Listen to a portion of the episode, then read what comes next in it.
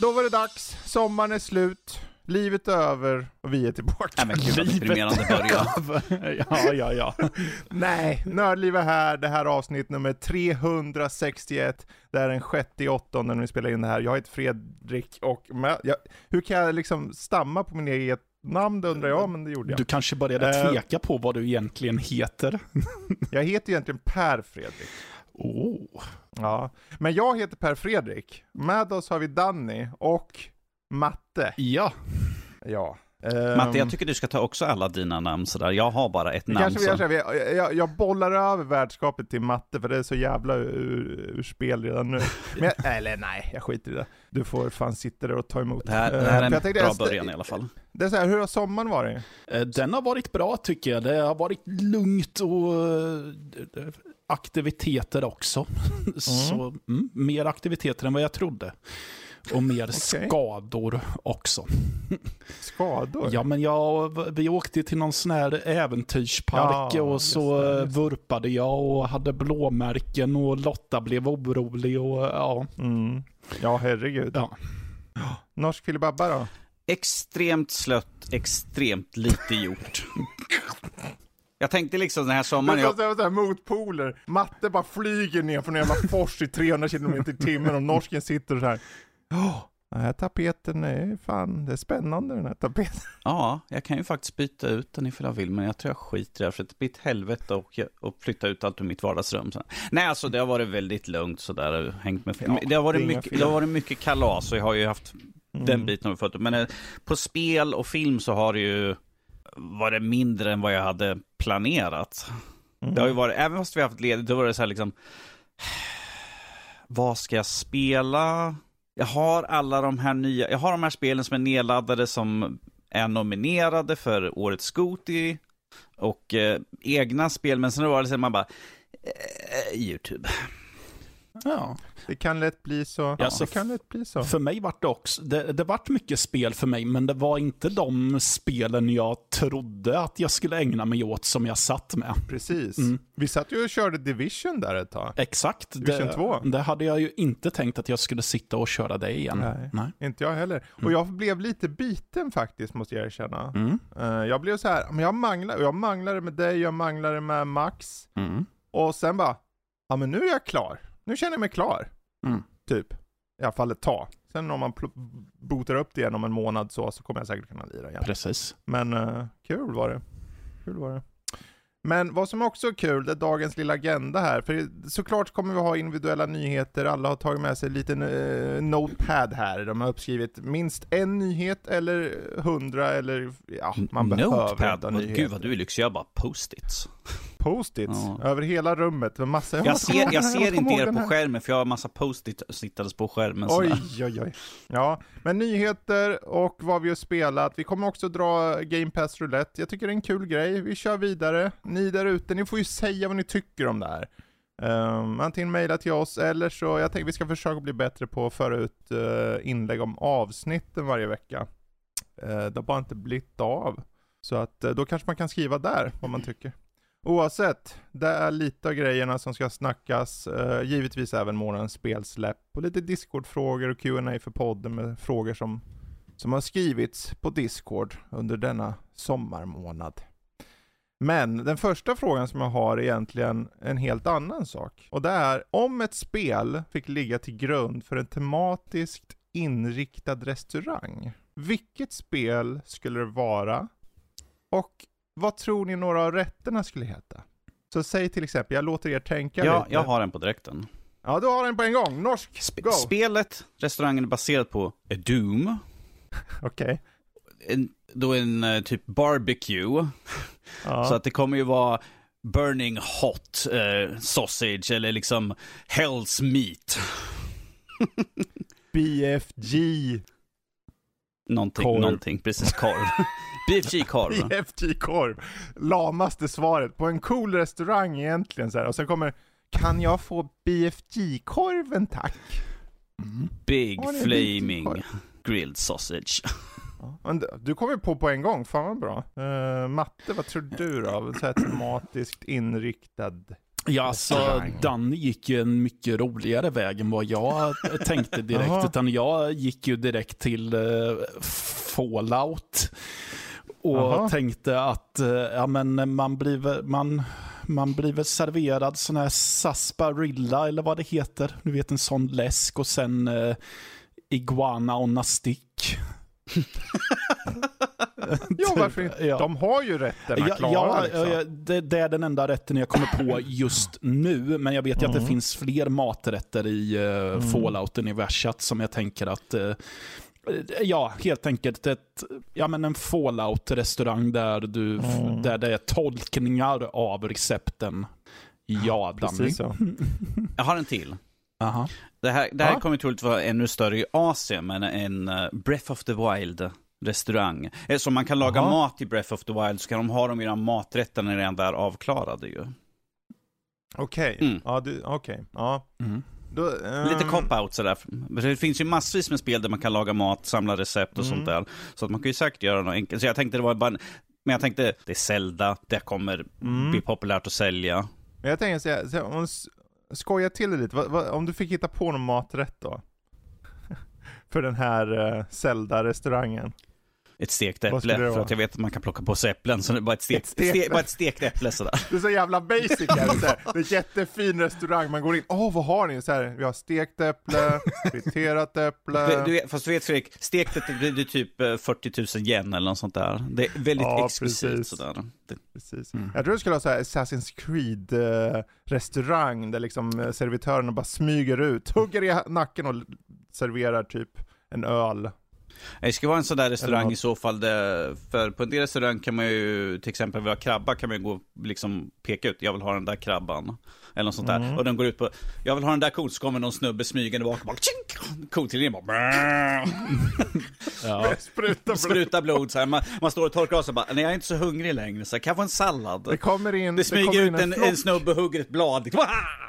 Det kommer in en flock kor.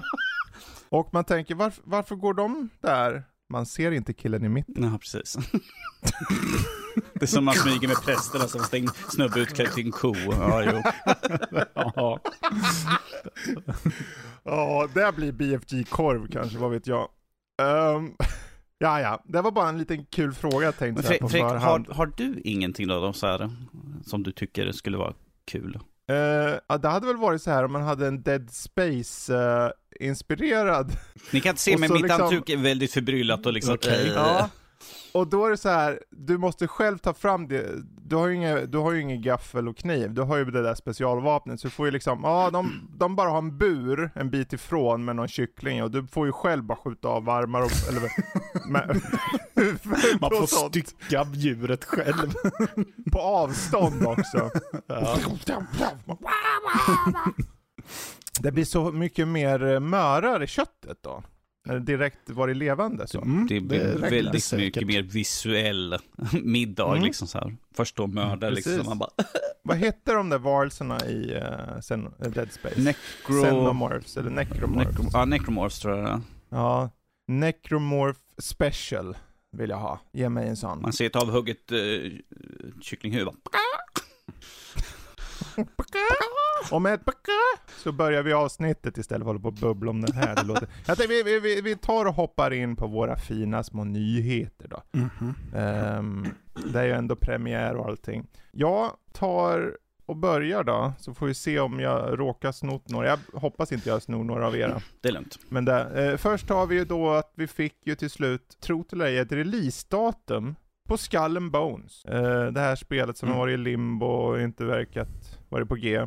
Mm. 8 november släpps det. Och först var det ju rykten, det var ju mycket rykten som kom där. Eh, och mycket riktigt visade det sig att det stämde. Eh, och det var ju inte så konstigt, för nu så här i efterhand kan ju jag säga att det var ju en stängd beta jag fick tillgång till. Och en stängd beta är ju ett tydligt tecken på att uppenbarligen finns det något att spela. Eh, och det var någon gång i, vad kan det vara, april, maj. Mm. Så, ja, och det är väl kul för de som, det är ju en slags online, man ska kunna köra själv, men du kör nog bäst med kompisar. Det, kändes lite som Division på vatten, fast i båtar. Division blandat med med. Sea of Thieves kanske. Så. här. Ja, alltså Thieves, det är ju Mm. pirater så. Ehm, men det är i alla fall, det är en liten nyhet. Jag tänkte jag ska inte dröja mer på den, utan den fick releasedatum. Ehm, och det är Mm. ju aldrig fel. Ja, jag hörde också att det inte är berättelsedrivet. I en Nej. annan artikel också. Mm. Precis. Ehm, det har ju varit lite av sådana här showcases, så jag, jag kommer inte rabbla alla, utan jag, jag fokuserar på en bara, för det är den enda jag kommer ihåg i stunden. Eh, och det är Nacon av alla. Nacon Connect hölls någon gång där i början på juli. Och egentligen var det ett spel som stod ut för mig, och det var det här Robocop Rogue City, som är ett första personspel eh, i då Robocops värld. Och den såg förvånansvärt intressant ut måste jag säga. Det här spelet ska komma ut juni 2023 för alla konsoler och PC via Steam och Epic och så. Och Switch. Sen om det är streamat vet jag inte. Mm. Men självaste Peter Weller är i huvudrollen. Han är avskannad i spelet också. Mhm. Och eh, den såg ganska brutal ut. Som Robocop ska vara.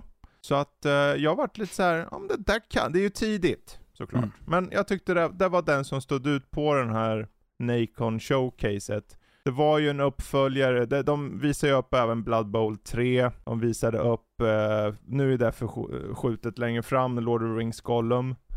Ehm, och så visar de upp även, får se vad heter det, Clash Artifacts of Chaos, som egentligen är en uppföljare på ett gammalt spel som heter Clash någonting. Jag kommer inte ihåg det. Men det, det, det var egentligen bara det där Robocop som jag tyckte stod ut. Mm. Jag vet inte om ni hann se något av det där? Nej, Eh, jag jag, jag, jag kollade på trailrarna efteråt sådär. Mm.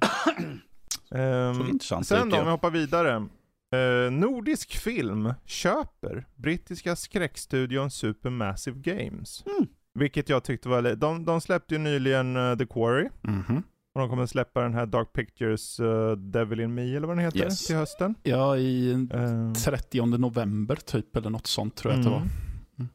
Precis. Mm. Så att eh, Nordisk Film då, eh, eller i alla fall deras spelfilial som heter Nordisk eh, Games, eh, köpte eh, 100% av eh, den här Guildford-baserade studion. Så att, eh, och det är lite kul i det att, okej, Nordisk Film som tidigare investerade i allt från Avalanche till Raw Fury och, och liknande, Mm. även nu har, eh, har de. Så Spännande. att, eh, förhoppningsvis betyder det att vi får fler spel. Så här, man kan ju tycka vad man vill om sp- spelen och allt det där, Mm. men det är så här, så länge man ser någon studio som faktiskt får mer pengar och mer möjlighet till att göra en viss nischad typ av spel, så är jag glad bara. ja, ja, ja. Jag behöver absolut. inte tycka om det för att uppskatta att det existerar liksom. Nej. Det kan man göra. Mm. Ehm, så, och det var det. Eh, och sen egentligen, det här har jag tjatat om 400 gånger och det vet jag, ni får ursäkta. Men jag, jag tycker det bara är så jävla intressant med de här jävla grafikkorten. För i Kina kraschade nyligen eh, priserna så pass ehm, lågt att de låg under riktpris. Så att eh, många av korten där borta då kunde köpas för alltså ett pris som inte ens Nvidia eller AMD sagt att man ska köpa det för. Så att, och den här kraschen har pågått nu ganska mycket då med, under sommaren. Ja, den har stagnerat lite nu. Det stod ganska still, uh, i alla fall senaste veckan. Det kommer ske några sådana här uh, flash-reor här och var. Du kommer kunna komma över grafikkort riktigt billigt. Men det, det har planat ut. Um, det kan gå ner, det kan också gå upp.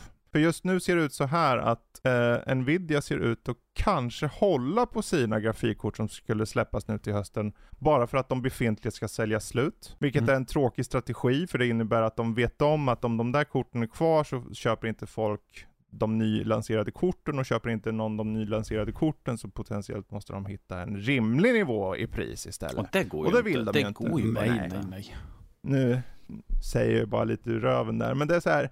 Det är ju en taktik såklart. Uh, och någonstans är det så här, är det så att de behöver sälja slut på korten som det mycket riktigt ser ut att vara, så innebär det att nu och kanske fram en månad till eller så, beroende på när de börjar utannonsera de här kommande korten, är tiden att köpa ett grafikkort. Kanske inte det här superhöga korten, alltså 3090. 3090-kortet släpptes för 25 papp. Vi hade ju en vän här på Nördliv, Alexis, som köpte en sån och idag, idag har jag sett den för 13 000. Hoppla. Det är 12 000 den har tappat i pris för att det är, ingen köper dem för att det, folk vet att de, antingen så tänker de, ja men jag behöver inte köpa nu, det kommer ju snart nya. Eller så tänker de, men det där är ju bara för dyrt. Allting mm. tappar ju pris. Så att eh, fortsätt att kolla på äh, grafikkortsmarknaden säger jag bara. Så hoppar jag vidare till nästa. Eh, vilket intressant nog också är grafikkort. of course. Men det är så här. Mm. Intel, det här pratade vi lite löst om häromdagen eh, Danny, och det är ju Intel Arc som är eh, Intels eh, nylanserade grafikkort. Mm. De har ju inte riktigt släppts med bra kritik. Eh, man kan väl säga så här, de suger. Utifrån alla benchmarks som har, kommit ut. Men det är ju med rätta, det, alltså om man ska, vara, man ska säga rätt och riktigt så är det, det, det har ju baserats på deras absolut lägsta kort hittills. Eh, och då har de gått ut och sagt officiellt hur de kommer basera sina priser i fortsättningen på grafikkorten. För att de här grafikkorten, så som det brukar vara, att om du har grafikkort från Nvidia, de har byggt sina, de här drivrutinerna i många, många år. De har hållit på i 20 år. Så är det understandable att deras drivrutiner liksom funkar med äldre spel? Ja. En, eh, Intel har inte riktigt samma sak. De visar i sina tester att de här, säg att det är 10 spel, de här 10 till 40-50 spelen, de kan vi prestera bra i med det här grafikkortet. Men de andra spelen, de kommer inte funka lika bra. Och det vet de, och det är de tydliga med. Så att de har delat in det i tre stycken tiers. Tier 1, det är de spel som presterar jättebra. Tier 2, de som presterar okej. Okay. Och Tier 3, det är de som presterar ganska dåligt. Om vi tar ett grafikkort från Nvidia som presterar bra, så presterar den överlag, och likaså på AMD, presterar de överlag bra på alla spel. Och då baserar de priset utifrån den nivån. Intel kommer göra så här att de tar och baserar på den lägsta nivån. Okej. Okay. Så att de kommer basera priserna på grafikkorten utifrån den sämsta prestandan på spel. Vilket är bra då, för det innebär då att de kommer kunna ha mycket lägre pris på sina grafikkort än eh, konkurrenter. Och då kan det vara grafikkort som, säg att du Matte, ja men jag, jag kör egentligen Division 2 och jag kör, det här är bara en ponering. Ja, ja, ja. Jag, jag kör Division 2 och jag kör Eh, Red Dead Redemption 2 till exempel. Det är de två spel jag bara kör. Ja, jag kollar på grafikkortsmarknaden, jag ska köpa ett nytt kort. Här har vi ett Intel-kort för 3000 kronor. Och här har vi ett Nvidia eller AMD-kort för 6 till 7000 kronor. Okej. Okay. Vad skulle du gå efter då? Skulle du gå efter, okej, okay, om jag vet att jag kan få bra prestanda i Intel-kortet, för det är de två spelen täcks av det grafikkortet. Och jag får nästan lika bra prestanda som de här andra eh, grafikkorten som kostar mycket mer. Mm. I alla fall i de två spelen. Men jag har inte samma tur om jag ska testa andra spel längre fram. Mm. Eller ska jag ta och lägga 3-4 tusen till och köpa det dyrare och vara mer täckt? Jag tror att den här strategin då, att de ska basera priserna på den lägsta nivån av prestanda, kan vara en fördel. Mm. Jag, jag, jag, jag har inga illusioner om att det här kommer leda till att de vinner grafikkortsmarknaden. Det tar många år för dem att etablera sig, de måste fixa sina drivrutiner, de måste fixa allt. Men jag vill gärna se att de klarar sig i alla fall, att de är kvar. Vi behöver en tredje. Och om de kan leverera grafikkort som är mer nischade, som, som har okej okay prestanda i vissa spel som du vill spela, men du får dem mycket billigare, så är det kanske okej okay start i alla fall. Jag försöker vara positiv här. Ja. Jag skulle kunna lätt vara så här, alltså jag vet inte poängen med att köpa dem här, varför ska bla bla bla. Jag vet, jag vet. Men uh, om jag ska vara positiv så utifrån det officiella som de säger då att de baserar på den lägsta prestandanivån så tycker jag, ja men det är ett bra steg i alla fall. Ni vet öppet att de inte presterar bra och ni baserar era priser på det. Det är väl ett bra sätt att ta sig an konkurrensen när man börjar, tänker jag. I alla fall. Precis. Att, uh... Precis. Så. Jo men så är det. Och det är så här, de, de hymlar inte med att det är dåligt. För de har exempel på Shadow the Tomb Raider som de gjorde. Det presterar dubbelt så bra med ett byte från DirectX 11 till DirectX 12. För att spelet har, använder sig av båda de här teknikerna. Uh, den är ganska usel i DirectX 11. Och den är helt okej okay i DirectX 12. Men, och DirectX 11 är ju det här API som användes förr i många spel. Så många äldre spel kommer ha det och då kommer det inte funka lika bra. Så att tar man det en nypa salt och, och funderar på vad ska jag spela så, så kanske det kan vara värt att kolla på Ark-serien längre fram. Det var det, så hoppar vi Mm. vidare. Nu ska det inte bli någon grafikkort. Nej. Oh. Nej. Eh, jag har två nyheter kvar bara.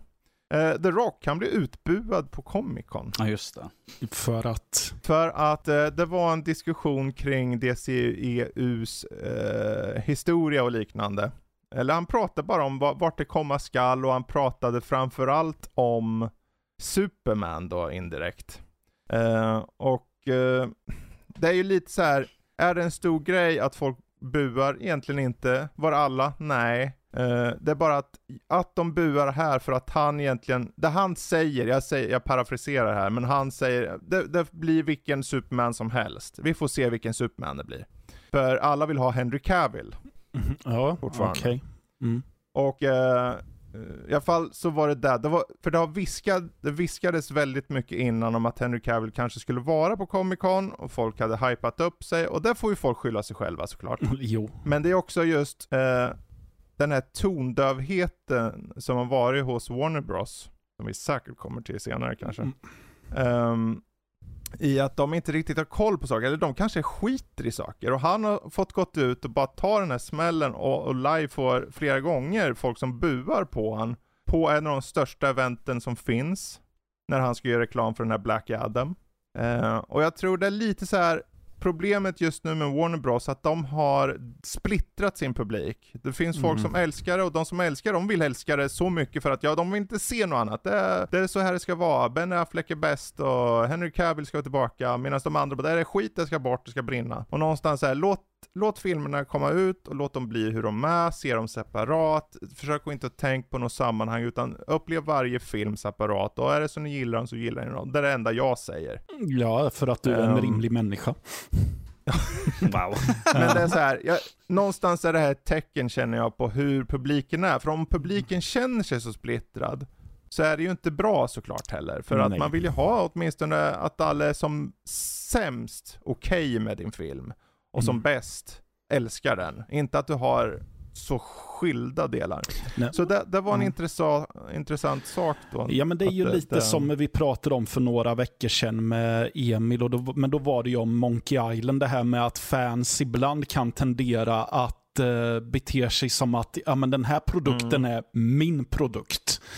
Mm. Eh, så, vilket gör att en del blir Precis. så v- onödigt passionerade. Alltså det är inget fel Mm. att vara passionerad över någonting, men det når till Ja. en gräns.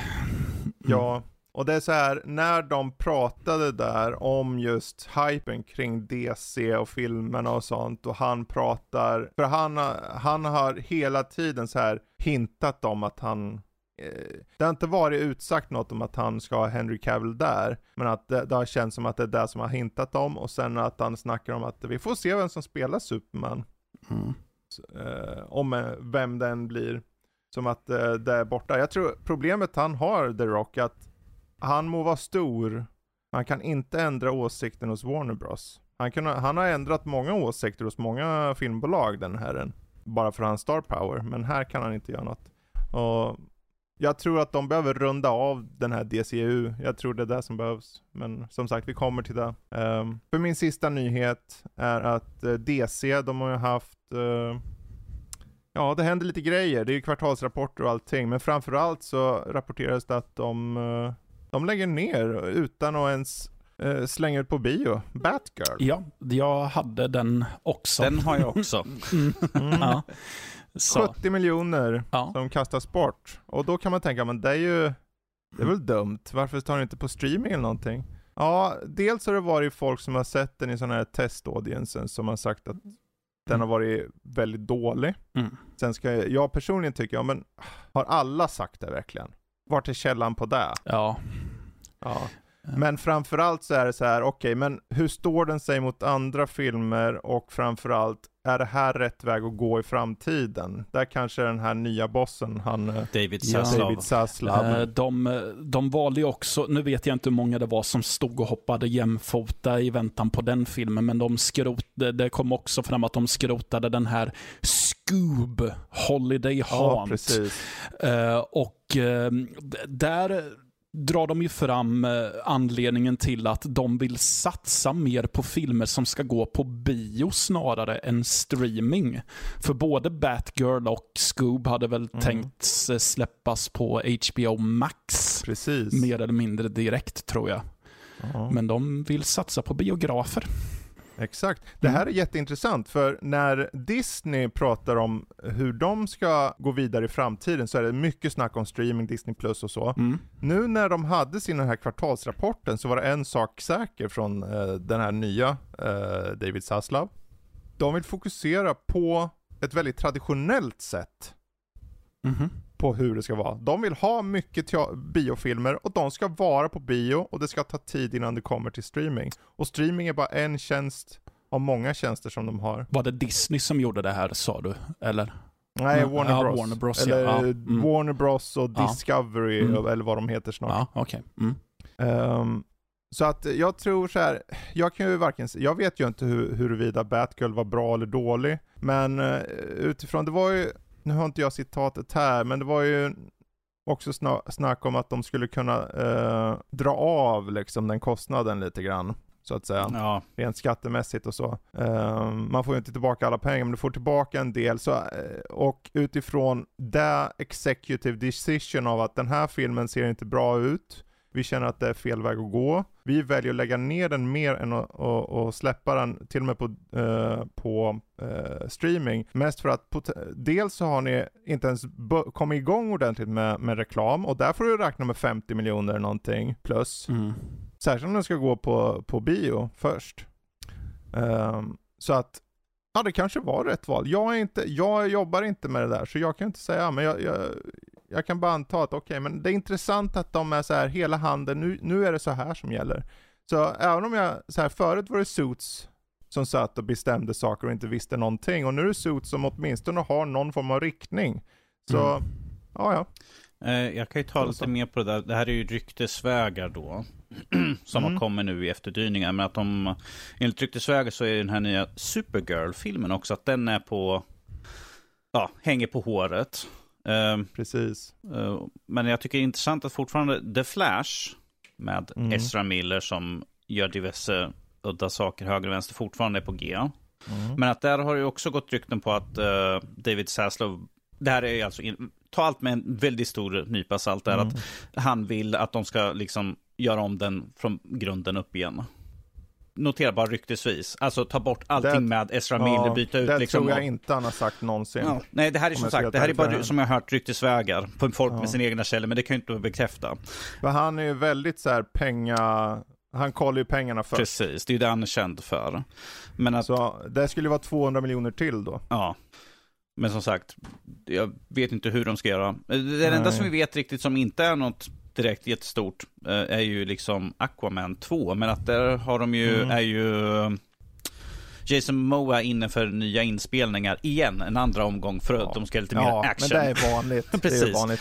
Det, Men det är ju så här, jag tänker, man får ju kolla på historiken på filmerna var de kommer. För som Aquaman, den kommer ju komma ut för Mm. att första gick jättebra. Det är den bäst, den, det är högst box office av alla DC-filmer Precis. nästan. En miljard, 1,2 eller vad var det var, dollar. Uh, The Batman får vi mer av. Uh, och sen har vi Shazam och den här Black Adam och de är redan utannonserade och klara så jag tror även om de skulle, de, de, de har kostat mer än den här Batgirl. mm. Så att, eh, och det är samma sak. Flash är intressant du tar upp där, för Flash är så här, vad gör de med Flash? Det är mycket så här bagage där. Yes. Problemet är, ju, problemet är att de kan ju... i- eh, det finns ju mycket det här om Aquaman, att de ska ta bort, uh, vad heter hon? Eh, Myra, precis där. Men att det, det är en karaktär. I, Mm. i eh, The Flash så spelar Ezra Miller tre roller samtidigt, Mm. vilket gör att det är betydligt mycket svårare att bara plocka bort honom rakt Men det finns en stor skillnad också, och det är att där Batgirl hade test audiences Mm. som var bul, alltså blä, så har det varit tvärtom på Flash. De har varit väldigt positiva. Väldigt positiva, som att det här är en, en av de bättre filmerna i DC. Och lägg till då en mycket, mycket högre budget. Den ligger på så är två, det- 200 till 250 miljoner för någonting Ja. sånt. Så att skillnaden är att du kan, jag kan förstå 70 där, fine. Ja. Men 200 plus, då är det ett riktigt beslut liksom. Det, det måste de tänka över ett gäng gånger. Så, men det blir spännande att se alltså. Jag, jag känner bara så här. nu händer grejer på Warner Bros. Jag tror de kommer ändra om både det ena och andra. Eh, Men att de fokuserar på mycket på den traditionella medien, alltså med bio och alla småkanaler och sånt, även cable ja, jag hörde något, det här är också enligt folk som har eh, pratat om det här, on, som jag lyssnar på online, där de säger att Zaslav vill egentligen ta och plocka bort nästan alltihopa som är DC just nu. För att liksom göra en clean slate mer eller mindre, men att han kan inte på grund av kontrakt. Eftersom de har ju kontrakt på väldigt många av filmerna så att kan han inte göra det, annars skulle han typ göra som eh, Batwoman och liksom plocka bort det och sen liksom s- börja om på nytt. Och det har ju varit mycket prat också om att de vill ha, eh, vad heter han som gör Mandalorian? Pedro Pascal, Nej, eh, regissören, skaparen. John Favreau. Ja, att de vill ha över John Favreau över dit för att ha honom som eventuellt sån här showrunner ju. För att han, Oj. ja, det, som sagt, det här är ju bara som sagt Ja. för att, eh, vad heter han? eh, du, minnet är bra men kort. Kevin Feige. Nej, inte Kevin Feige. Kevin Feige han gick ut nu och sa liksom, ja ah, det är så dåligt att hon gör det här, liksom, kom över hit istället så kan vi använda det så här. Nej, han Mm. som gör Guardians of the Galaxy, du känner minnet bra men kort. Eh, James Gunn. James, James Gunn är ju på Warner just nu och, de, och John Favreau och han är, är kompisar. Så att han, Mm. enligt ryktesvis så han, försöker han få över honom. Och nu det här med att John Favreau är, är så missnöjd med vad som händer i Lucasfilm. Det här med att han tycker att de tar över mina serier. Att Kathleen Kennedy är inne och pillar på hans lilla serier och sånt där, att, de, att han är upprörd. Och då, har, går rykten om att han kanske eventuellt går över. Jag är väldigt osäker på det där, för jag tror han har väldigt feta kontrakt med Mm. Det Disney. kan ju också vara det att det här är ett spel för, eh, Galleriet. vad heter det, galleriet Mm. i det att när han beklagar sig så, så cementerar han sin plats och får mer rätt att göra saker. Mm. Eh, för egentligen, om man ska vara sån så är det ju också så här, ja han kan säga hur mycket han vill, men det är inte han som äger det. Nej.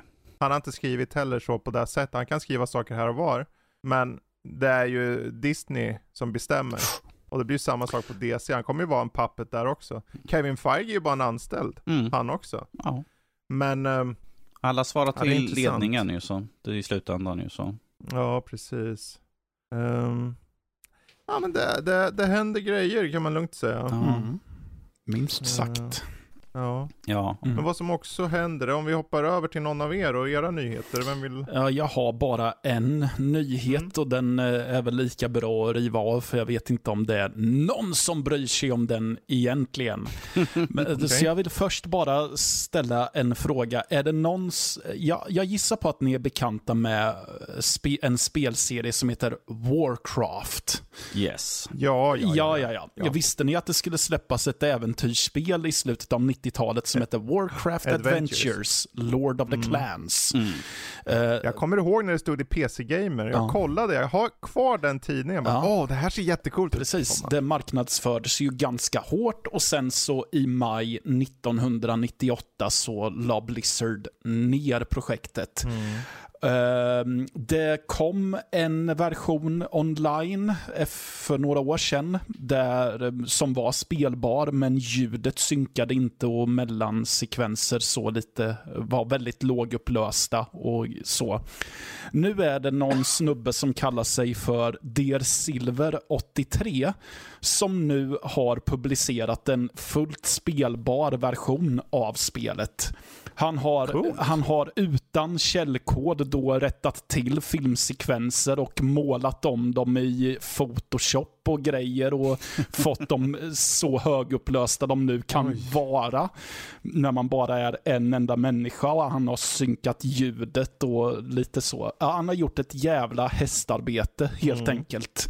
Och eh, det finns således en version 1.0 på en eh, hemsida som typ heter warcraftadventures.wordpress.com. Mm. Där man kan ladda ner den versionen och spela om man nu har intresse av det här. Jag vet ju att det är väldigt nischat, men jag tycker bara att det är så kul hur någon kan vara så väldigt passion... eh, Det här har vi en annan typ av passion än den vi pratade om förut, där man blir förbannad på när saker och ting inte blir som man vill. Här har vi en som låter sin passion liksom rädda ett dött projekt nästintill. Mm, mm. Så. Sen vet jag ju inte vad Blizzard tycker om att han lägger ut den här, men det, ja. det kan vi skita i. Jag, jag Mm. ville bara prata om just det, det här hästjobbet det måste ha varit. Och han har, gjort det, Precis. han har gjort det lite som en kul grej och det är just därför han också har Eh, nu ska vi se här. Eh, ha- han har också sagt att den här versionen är den sista versionen han tänker göra. Eller hen rättare sagt. För att uh, hen vill avsluta projektet när det fortfarande är roligt och inte känns som en börda. Mm. Så ja, det var, det var det jag hade. Så vill ni spela Warcraft Adventures så är det fullt möjligt nu. Mm. Bra, vi hoppar över till BFG-korven Danny här. Var? BFG-korven, precis.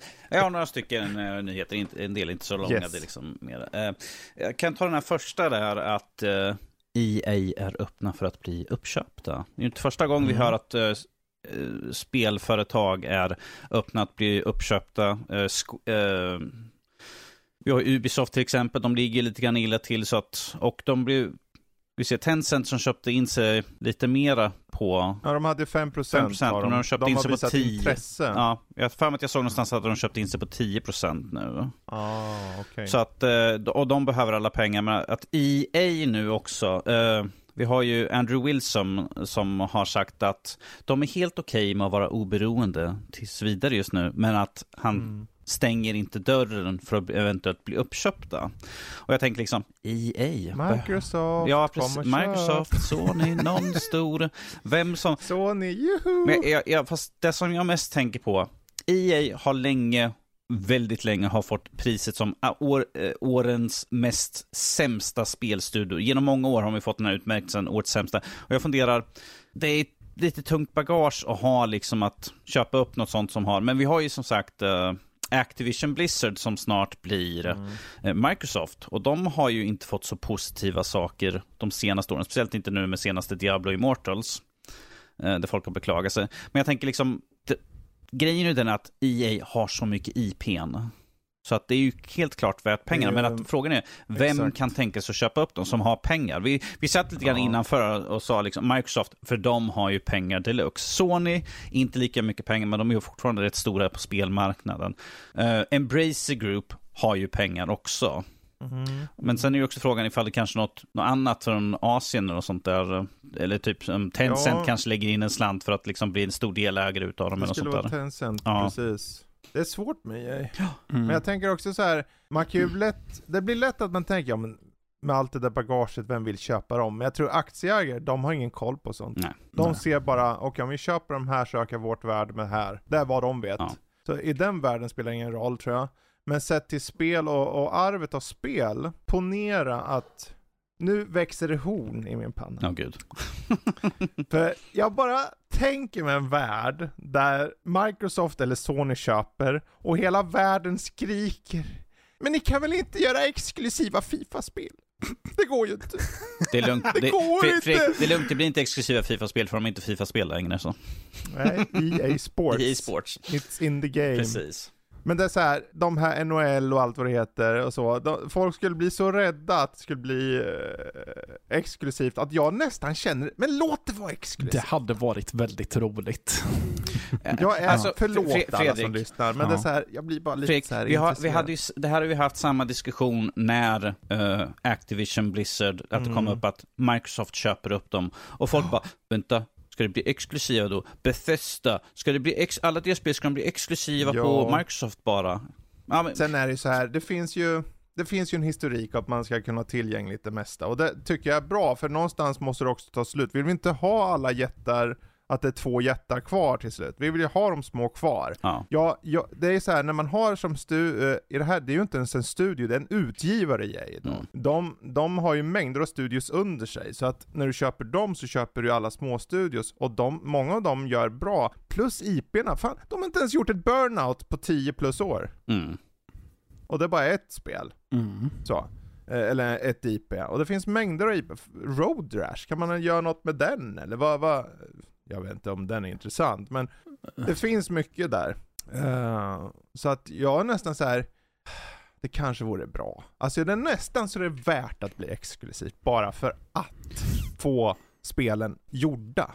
Och eh, fast Fredrik, du vet, det här kommer låta så, så jävla divigt. Men för en som sitter på, på, de, på PC, Xbox, eh, Series X och Playstation 5, I don't care. Är sån, uh... Men du, de köper allt det här och så kommer det ut på Switch då. Då har du åtminstone inte Då, det. då får Matte skaffa en och sen var, njuta så det bara skriker om. Mm. Matte bara, jag har redan beställt den. Ja, precis. Om den Ehm. vore så väl. Men Mm. vi, vi fortsätter vidare på nyheter. Det här är lite tråkigt tycker jag, för att det här är faktiskt en sak jag såg fram emot. Eh, Det här att eh, Knights of the Old Republic-remaken har blivit pausad permanent mer eller mindre. Det är de i alla fall Mm. sagt just nu. Att uh, Knights of the Republic-remaken, det var ju Aspire som eh, håller på att utveckla spelet eh, för eh, Playstation. Där den kommer vara exklusiv ju. Uh, tror Mm. Playstation sen senare PC såklart, uh, via Epic då, som de är delägare där. Men att den, eh, de hade visat upp en, ett demo mer eller mindre på spelet. Och eh, ja, de hade, Sony och Lucas eh, film hade inte varit så nöjda. Och därför sa de att liksom, vi tar och pausar det här nu. För att ja, de var så nö- missnöjda att de liksom, vi sätter det här på paus. Och eh, de sparkade art directorn och design eh, directorn rakt upp och ner direkt efter Mm. däråt. Man bara, okej, det här måste ju vara något riktigt illa i så fall. Och att studion har sagt att vi kommer leta efter andra projekt för att ha jobb, mer eller mindre, för det här är nedlagt, vi får inga mer pengar för att göra någonting på det här. Eh, som sagt, jag ser fram emot, det här är ett, i Star Wars är det här ett av de absolut största spelen någonsin. Så jag, jag är riktigt ledsen att se liksom att det har pausats just nu och vi vet ju inte när det kan tänkas komma upp. Ja, Plus att eh, de hade velat haft, ryktesvis var 2023-2024, men att någon inifrån studion hade sagt att realistiskt sett tidigast 2025. 2025. ja. För så långt de hade kommit och det som Precis. skulle behöva göras. Ja, och jag tror, om jag ska vara sån, Ja. jag hoppas jag, nu sitter den i limbo hos Asper. Ja, De behöver tappa den, känner jag. Den måste gå till någon annan. För det här är sån, det är så här, det är ju, remakes är svårt. För du, du hanterar folks nostalgi mm. med dem. Och du hanterar också hype. Och du hanterar liksom en förväntan på hur något ska vara. Eh, det är en sak om du gör 40-11 remasters något, Last of Us, Mm. säger hallå. Nej, förlåt. Men eh, det är så här. Men i det här fallet, det har inte gjorts något innan och det är en total remake Mhm. på ett av de mest hyllade spelen någonsin. Som vågade göra något nytt med Star Wars när det begav sig. Jag menar 4000 år innan allting det där. Eh, då behöver man verkligen, antingen gör du det till 100% och har alla resurser, eller så gör du inget. Jag tror det är så, för Sony, och jag tror mycket här, eh, visst Lucas Arts ja, men Sony har i regel alltid en väldigt hög nivå på hur deras spel ska vara i kvalitet. Mm. Ehm, och i alla fall de som är, det här hade ju varit Asper så det är ju inte första part så. Det är ju inte som att Sonys själva egna studios hade gjort det. Mm. Hade det varit där, då hade det, då hade det redan varit ordnat. Då hade det haft en releasedatum någon gång och de hade haft en deadline mot det. Men nu har de kom, gått ut med det här tidigare så nu får de leva med det och jag tycker de ska, de, de får bli av med det känner jag. Det är bäst. Bort Det är med elakt men Bort med bort med. Mm. Bort till någon annan. Bluepoint. Mm. Hoppa över till Bluepoint. Mm. Som vi har pratat Typ. om förut, vilka spel skulle vilja se dem göra? Ja. Ja, nej det här är riktigt, Ja. det här är som sagt det är riktigt tråkigt. Det är synd. Det är Eh, synd. Som sagt, vi får helt enkelt bara vänta eh, och Mm. se vad som händer. Eh, här är en annan sak, vi, nu har vi varit på så, nu tänker jag ta en Xbox bara för det. Eh, Yes. eh, Xbox har nu på in, eh, vad heter det, Insider-programmet har de nu börjat Ja. testa den här familjeprenumeration för Game Pass. Eh, det var i Colombia och Irland som de testar den just nu. Ja, Det är bra, man måste, måste, måste täcka hela spektrat. Precis, det det, det är liksom två väldigt Ja. så här. Eh, Okej. och eh, där man upp till fem personer per prenumeration. Eh, de gissar sig Mm. till att det kommer ligga på runt en 225 kronor i månaden. Men då har du liksom fem användare som kan, ifall du har till exempel Ultimate, så har du fem stycken Ja. användare som kan köra PC eller på konsol, liksom Ultimate. På, Samtidigt. på samtidigt, olika precis, konton. på ett, ett och samma konto. Det skulle perfekt nästan för dig Fredrik. Du har ju, fler, du har ju flera jättebra. konsoler ju så. Ja. Men att det, det är nu att testas, eh, men det finns inga, ingen information om när det kan tänkas komma till, ifall de tar öppnar upp för flera länder eller när det kan tänkas komma ut. Mm. Som sagt, det är ju bara en testfas just nu, men jag tycker att det fortfarande är lovande att de kommer med ett sån här familje eh, för flera. Istället för att man ska sitta och bråka så här, "Ja, men jag vill ha, nej, nej, nej, vi har bara råd med en. Vi, har, vi får bara spela på en och samma profil liksom. Mm. lite tråkigt sådär. Men att jag tycker i alla fall kul att de, de försöker göra, göra lite, mer, lite mer värde liksom. Att flera kan använda ett och samma konto. Mm. Som vi inte får, som, vi inte får som Netflix. Att ah, jag ser att ni har flera användare på olika IP här. Då måste ni betala den här ska, Mm. eh, bestraffningsavgiften som de har på det. Medan här nu får de nu att du kan ha delningsvis med flera stycken. Mm. Eh, en annan, det här är en som fånig, så jag tänkte att jag vill bara ta upp den här. Det är om Diablo Immortal. Pr Vi pratade om den här i, igår kväll. Eh, det finns en spelare som inte kan matchas mot andra spelare för att han har lagt ut en miljon svenska kronor och liksom köpt sig till den mest kraftfulla karaktären någonsin. Och han kan inte liksom spela mot någon annan, för det finns ingen annan som har likvärdig stats som kan köra mot honom, så han är jätteupprörd. Mm. Ja, men det, alltså, fanns, det, det fanns tydligen en till, men att den körde på en europeisk... eh, Men grädden på moset, gå till Va? Det är väl att han vill ha tillbaka pengarna Han, va? han ville liksom så att, att äh, jag kanske ska liksom säga att jag vill ha tillbaka pengar, för jag kan inte spela spelet. Jag kan inte matcha med någon sådär. Den här Men idioten alltså, vad fan, hur? Han lägger 100 000 dollar och beklagar sig när han är bäst och inte kan matchas mot någon för att den här jävla matchmaking brukar funka så att den försöker matcha mot någon som är lika bra men om det inte finns någon får du skylla dig själv din jävla Ja, idiot det, det var just det jag skulle säga. I vilket universum så kopplar man inte att man försätter sig i den här situationen själv?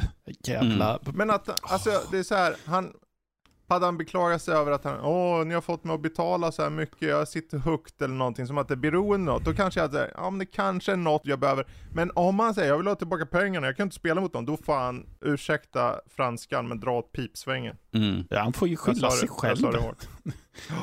Ja. Vilket praktidiot. Ja, men det är ju som om du köper en, eh, det- nu kommer jag inte på någon uh, jättesnabb sport, Koenigsegg. Men alla dina vänner kör eh, Volvo, det är ingen som kan mäta sig med din prestanda och att du åker till dem och säger men den här bilen är ju för snabb, jag åker ifrån alla.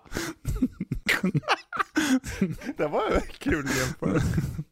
Du ska få en BFG-korv på posten. Ja, yes! Ja. Har du någon mer nyhet? Jag har en sista lite tråkig nyhet. Jag tänkte avsluta på den. Men det är att... Eh, Okej. ja, ja, men jag tänker, det är bättre att vi har de tråkiga på slut så vi inte är liksom så här, att det blir lite deppigt under de Ja, tidigare. ja. Men det är att eh, Nichelle Nichols, som även känd som Uhura i, i originalserien på Star Trek, gick bort här nu under sommaren vid en ålder av 89 år. Vilket jag tycker är, för hon var en utav, vad är det, det är han som, eh, ska vi se, Shatner, Chekhov. Chekhov eh, och, eh, vad heter han? Oh my! Eh, han, eh, George Takai. George Takei. Det är de tre George Takei. sista från originalserien som, le, som lever kvar nu efter att uh, uh, Nichols gick bort här nu. Eh, Ja. Jag tyckte bara, bara lyfta fram henne som en, en väldigt stor skådespelerska och ikon liksom för den tiden. De hade den första uh, kyssen mellan en svart och en vit på tv liksom. På en tid då det här liksom var en tabu. Så då, hon var liksom, den serien lyfter så mycket. Mycket av teknologin vi har idag baseras utifrån vad som fanns i tv-serien. Liksom, eh, rättigheter också. Eh, det här att liksom alla ska vara lika värda och så var ju någonting som var i serien väldigt, liksom att du hade liksom olika raser, olika färger, olika typer av karaktärer liksom. Så att det var en väldigt stor del hon var med i den serien och en av de Ja. stora där också för den kvinnliga Det fanns sidan. ju en väldigt betydelsefull representation i att hon fanns i den serien och där var ju, jag menar, hon hade ju folk som Martin Luther King som berättade men du behöver fortsätta med den för hon funderar, ja men det kanske inte ska hålla på med det här. Mm. Eh, men fortsatte då eh, när han sa att ja men det här är bra. Ja, han sa att du, Det- du, är den, eh, du är den mest positiva mm, porträtteringen av en färgad person. Mm. Det, det exakta Precis. citatet är The first non-stereotypical role portrayed by a black woman in television history. Ja. Ja, precis. Det där, nej men vi bugar och bockar för allt hon har gjort. Mm. Må hon vila i frid. Precis. Ja. BFG korv. Nej förlåt. Eh, Och så var vi tillbaka. Lite fånigt där. Ja, ja. och så var vi tillbaka. Nej men jättebra, men där har vi veckans nyheter. Eh, och det var ju lite extra där för att jag menar det har gått en månad eller något så att uh, nu har det gått en timme typ, eller en halvtimme, 45 minuter eller vad det är. Mm. Uh, och vi tänker vi ska hoppa in kanske lite på Game Pass Roulette tänkte jag. Oh. För jag tänkte vi tar det och Just ja, jag, när vi tog ingen Game Pass Roulette Nej. för att vi visste att det skulle vara uppehåll ja. Yep. Yes. Precis, bra, bra, bra. Um, då ska vi se här. Då tar jag upp det lilla programmet. Uh, och då har vi ju då i Game Pass Roulette för er som lyssnar som kanske inte känner till det, ifall att. Då är det alltså så här att vi har då ett moment där vi slumpar fram tre spel på Game Pass. Uh, och uh, för varandra då. Jag tar för någon av er där och sen så tar jag för mig själv. Och av de tre spelen ska man välja en och köra till nästa gång man medverkar. Mm. Bu eller bä. Ibland är det superbra, vilken överraskning. Och ibland är det som att man bara dunkar huvudet rakt ner i vasken liksom. Ja, det Men, eh, händer som vara. tur är väldigt sällan. Ja, Mm. peppar peppar. Mm. Eh, så vem vill eh, bli utsatt först, tänkte jag säga. Matte är bara barnet, så låt han få leka lite grann först. Ja, ja. Ja, vi börjar med Matte Mums här då. Mhm. Så trycker jag på överraska-knappen här ska vi se vad det Mhm. slumpar som första alternativ. Ett spel som du inte har testat. Medieval Dynasty. Ja, nej, det har jag inte kört. Har inte vi haft den? Jo, Jag det var Danny som Jag, jag, jag, körde. Medieval Dynasty. Dynasty. Ja men då skippar vi den, för Okej. jag vill ha något Ja, nytt. Okej, då skiter vi i Vi, den. vi då. gör lite som vi vill. Mm. Yes. Då blir det Rush, a Disney Pixar Adventure. Ja, nej, det har jag inte kört. Skriver norskan eller? Ja, jag Mm. skriver. Ja. Mm. Yes. Eh, nummer två är, ska vi se. Dragon Age 2. Jag har, Har du kört det? jag har faktiskt inte kört Dragon Age 2. Ja. Jag har bara kört lite grann av trean tror jag. Okej, Mm. ja, intressant. Mm. Och slutligen Psychonauts 2 har du kört. Ja, det har jag. Mm, den har du kört, den har du kört. Mm. Eh, Prodeus, Prodeus har jag kört. spelat snurret ur i stort sett. Snodigt också. Generation Zero har du Ja. kört. Eh, Going Under, har du kört den? Nej, jag vet inte ens vad det är för någonting. Action Det är det i alla ett fall. Så. Ganska intressant Mm. spel. Jag har kört det, men det kan vi ta någon annan gång. Ehm, Okej. jag vill inte säga något om det. Du sa att det var ganska... Fasen också. Så, då är det Rush någonting. Russia, Disney, Dra- Pixar, Adventure, Dragon Age 2 och Going Under. Mm, någon av de här spelar till nästa gång du är med.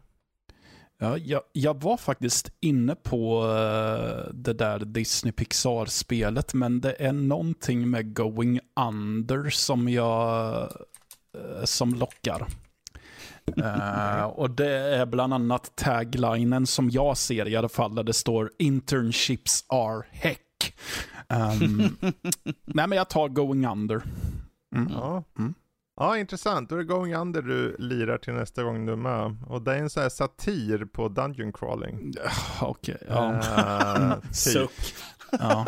Okej, Ehm, ja visst. Den är ganska, ganska udda kan man säga. Mm. Ehm, bra, då tar vi och istället rullar för eh, Danny då. Ska vi se. Nummer ett har vi This War of Mine. Ja, Mm. Har du kört det? Jag har kört vanliga, jag har inte kört Final Cut, men det är ju samma sak. Det är så. samma spel. Mm. Vi skippar, vi hoppar vidare. Ehm, då ska vi se, Burnout Paradise. Hade inte Det har du väl ändå ha- kört? Ja, Paradise har jag kört, men jag funderar ifall jag hade, jag hade ju nog Burn. Nej, jag har kört spelet, så vi kan ju bara hoppa vidare. Sådär, Mm. men Yes. Uh, Crackdown Recenserat. 3 har du kört. Eh, Microsoft Flight Simulator, har du kört den? jag har inte kört Microsoft. Ja, Matte, ja, Matte, Matte, kan du berätta hur mycket du uppskattar uh, det här spelet? Ja, alltså det är inget fel på spelet, det är bara inte för mig för att jag tyckte att det var så tråkigt och jag vart aldrig bra på att flyga. För att, De har ju Ja. tagit ner installationsfilen nu. Nu är den bara 123 ja, gig precis. Den är liksom 30 gig mindre än när jag skulle recensera. Jag hör att jag måste rensa på, på min, Ja. Mm. min. Undrar om, de Eh, har då kort, tar- undrar om de har kortat ner laddningstiderna också. För de var ju Det brutala. Nummer två, Dungeon Keeper 2, har du kört Ja, den? det är klart jag har kört det. Ja, det Klassiker. Eh, Alan Wake har du ju kört. Ja, det är klart jag har kört det. Ehm, Before We Leave, har du kört det? Jag är osäker. Jag har recenserat det tror jag. I alla fall har jag gjort en förhandstitt har jag gjort. Uh, jag vet inte om jag har recenserat, jag tror det var Gabriella som gjorde det. Jag, jag skriver upp jag är osäker så jag kommer inte ihåg Jaha. ifall jag testar på det. Alltså, det är ju ett strategispel. Ja, Mm. Uh, man bygger raketer och grejer. Nobody saves the world. Ja, det var ju sorgligt att höra. Att ingen räddar världen. Har du kört det? nej. Nej, nej. Oj. Okej, men Microsoft Flight Simulator, Before We Leave och Nobody Saves the World. Bara, bara för jag gillar artstylen på så blir det Nobody Saves the World. För det ser lite så här oh, wild and crazy ut sådär. Jag hade, Bra. jag hade hoppats på flight sim. Alltså, jag hade hoppats Before We Leave, för det är typ uh, Civ lite grann. Aha. Mm. Fast i realtid. Jag hade mest bara Eh. velat höra hur Danny hade tyckt det hade varit att flyga flygplan. Ja, det hade varit roligt. Jag ser mitt hus, nu är jag klar. Ja, det hade jag Eh, gjort i bra. så fall. Ja, det gör alla. Det är helt okej. Ja. Eh, då är det min otur eller tur. Eh, nummer ett är Astria Ascending. Det, Det här vet jag inte om jag någonsin har hört talas om. det, ser lite Jesper-kompatibelt ut. Jag har att det kom ganska nyligen ut på Game Pass. Släpps nu under sommaren Ja. tror jag på Game Pass. Mm. Kan det vara en Metroidvania man tror? Mm. Ehm, vi hoppar vidare. Nummer två är Zombie Army 4 är recenserat. Ehm, Dungeon of Nabelehook. Där är Amulet och... Jag har förvisso startat upp det en kort stund, men inte tillräckligt mycket för att säga att jag har kört det så. Jag har kört det kanske 5-10 minuter. Vad gör jag då? Ja, det är väl upp till dig. Då skippar jag den för det Mm. är tråkigt. Uh, Supraland. Oj, det där så väldigt... Ja, Ja. Det, det vet jag att jag inte har kört, så då Ja. får jag skriva in det. Mm. Supraland. Mhm. Och slutligen Det då. är bara en massa Toyota Supror Evil Within är överallt. kört. Eh, One Step From Eden har ju jag täckt här förut. Ja, Den fick jag en annan gång. Ja, precis. Och du var ganska positiv vad jag för mig om. ja. Kill With Fire jag kört, men Döda Spindlar. Mm. Tetris Effect kan jag ha kört, ja. Till och ja. med i VR. Super Lucky's Tale har definitivt kört. Och det hade jag för inte Helt så länge okej. sedan. Eller Jaha, Skyrim, ja. Eh, Going Under. ja, det också sa du förut att du hade. Eh, Assassin's Creed Origins. Mm. Det är kul spel här, men Ja. kört. Spår har jag kört. Ja. Jag visste inte så att spår fanns här.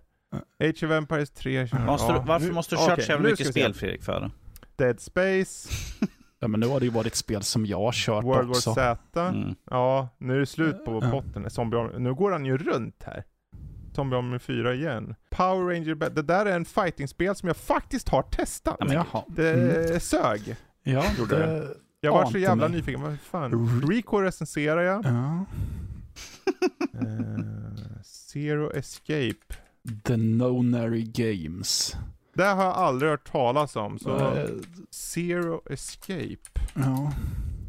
Det värsta är när man inte har hört talas om någonting, för då är det så här, det kan vara någonting som är i en genre som man bara, det här är inte för mig. Så jag har Astria, Sending, Supraland och Zero Escape Japp. som jag får välja mellan. Mm. Mm. Jag, jag skulle ju ha pluggat på lite så här inför typ en miljon spel, så jag hade vetat vad alla spel var, så jag kunde lättare. Men jag tar den här Astria Sending då, bara Mm. för att se vad det är för något. Jag tycker att Hoppas det är en det, Metroidvania. jag tycker att det är roligt när man inte har eh, någon aning om vad det är. Jo men det är roligt, det är, bara, det är så här, att jag är lite, det är lite dubbelt upp för mig, så här, Mm. eller tve, ty, tveeggat så att jag vill, men jag vill inte. Mm. Jag vill båda. Mm. Men eh, ja, okej då. Going under för matte. Nobody Saves the World och Astria Ascending. Det är mycket som går under här känns det. Mm. Ja. det ja, Det, det, det det är ett bra första avsnitt, allt går under. allt går under. Inget håller sig. Ja, Ja, ja. det enda Men, vi kan eh, räkna med är BFG-korv. Ja men gud. Jösses. Ja, jag tänkte så här. eh, Egentligen hade man ju tänkt hoppa till vad vi spelat, men vi river av månadens spelsläpp i Mm. förväg, så tar vi vad vi spelat därefter. Eh, för det är så här, oktober månad står nu vid dörren här och säger God dag min herre. Jag håller på mängder av spel. Eh, kanske inte för alla, men det finns några guldkorn där som man kan eh, highlighta, som kanske är något. Vi vet ju inte än, vi har inte kört de här alla. Mm.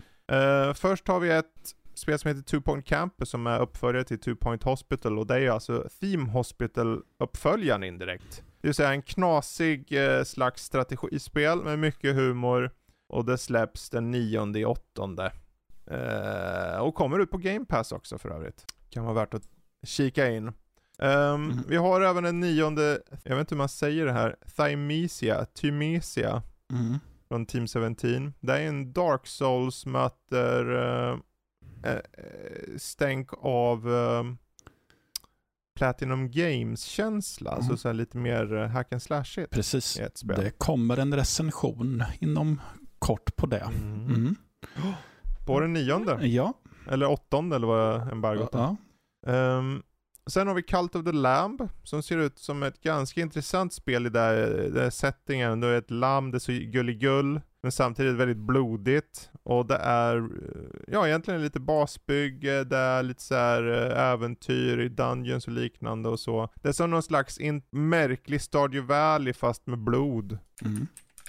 Som jag fattar för. Jag kan ha fel, spelet har inte släppts än, men eh, den elfte som sagt i åttonde släpps det. Um, sen har vi ju också den 23, då släpps ju Saints Row, remaken på, på den här spelserien. Uh, eller reimagining, uh, det beror på vad man vill se det som. Um, från Koch Media och Deep Silver. Jag vet inte, den kanske kan vara något att hålla utkik efter. Gameplay-trailers har visat på att det är mycket mayhem och galenskap, men det är betydligt mer nedtonat. Det är inte en virtualiserad värld med superhjältar och enorma dildos längre. I alla fall inte vad vi har sett. Ja. Det kanske gömmer sig en dildo någonstans. Ja men det är bra, då blir Danny glad.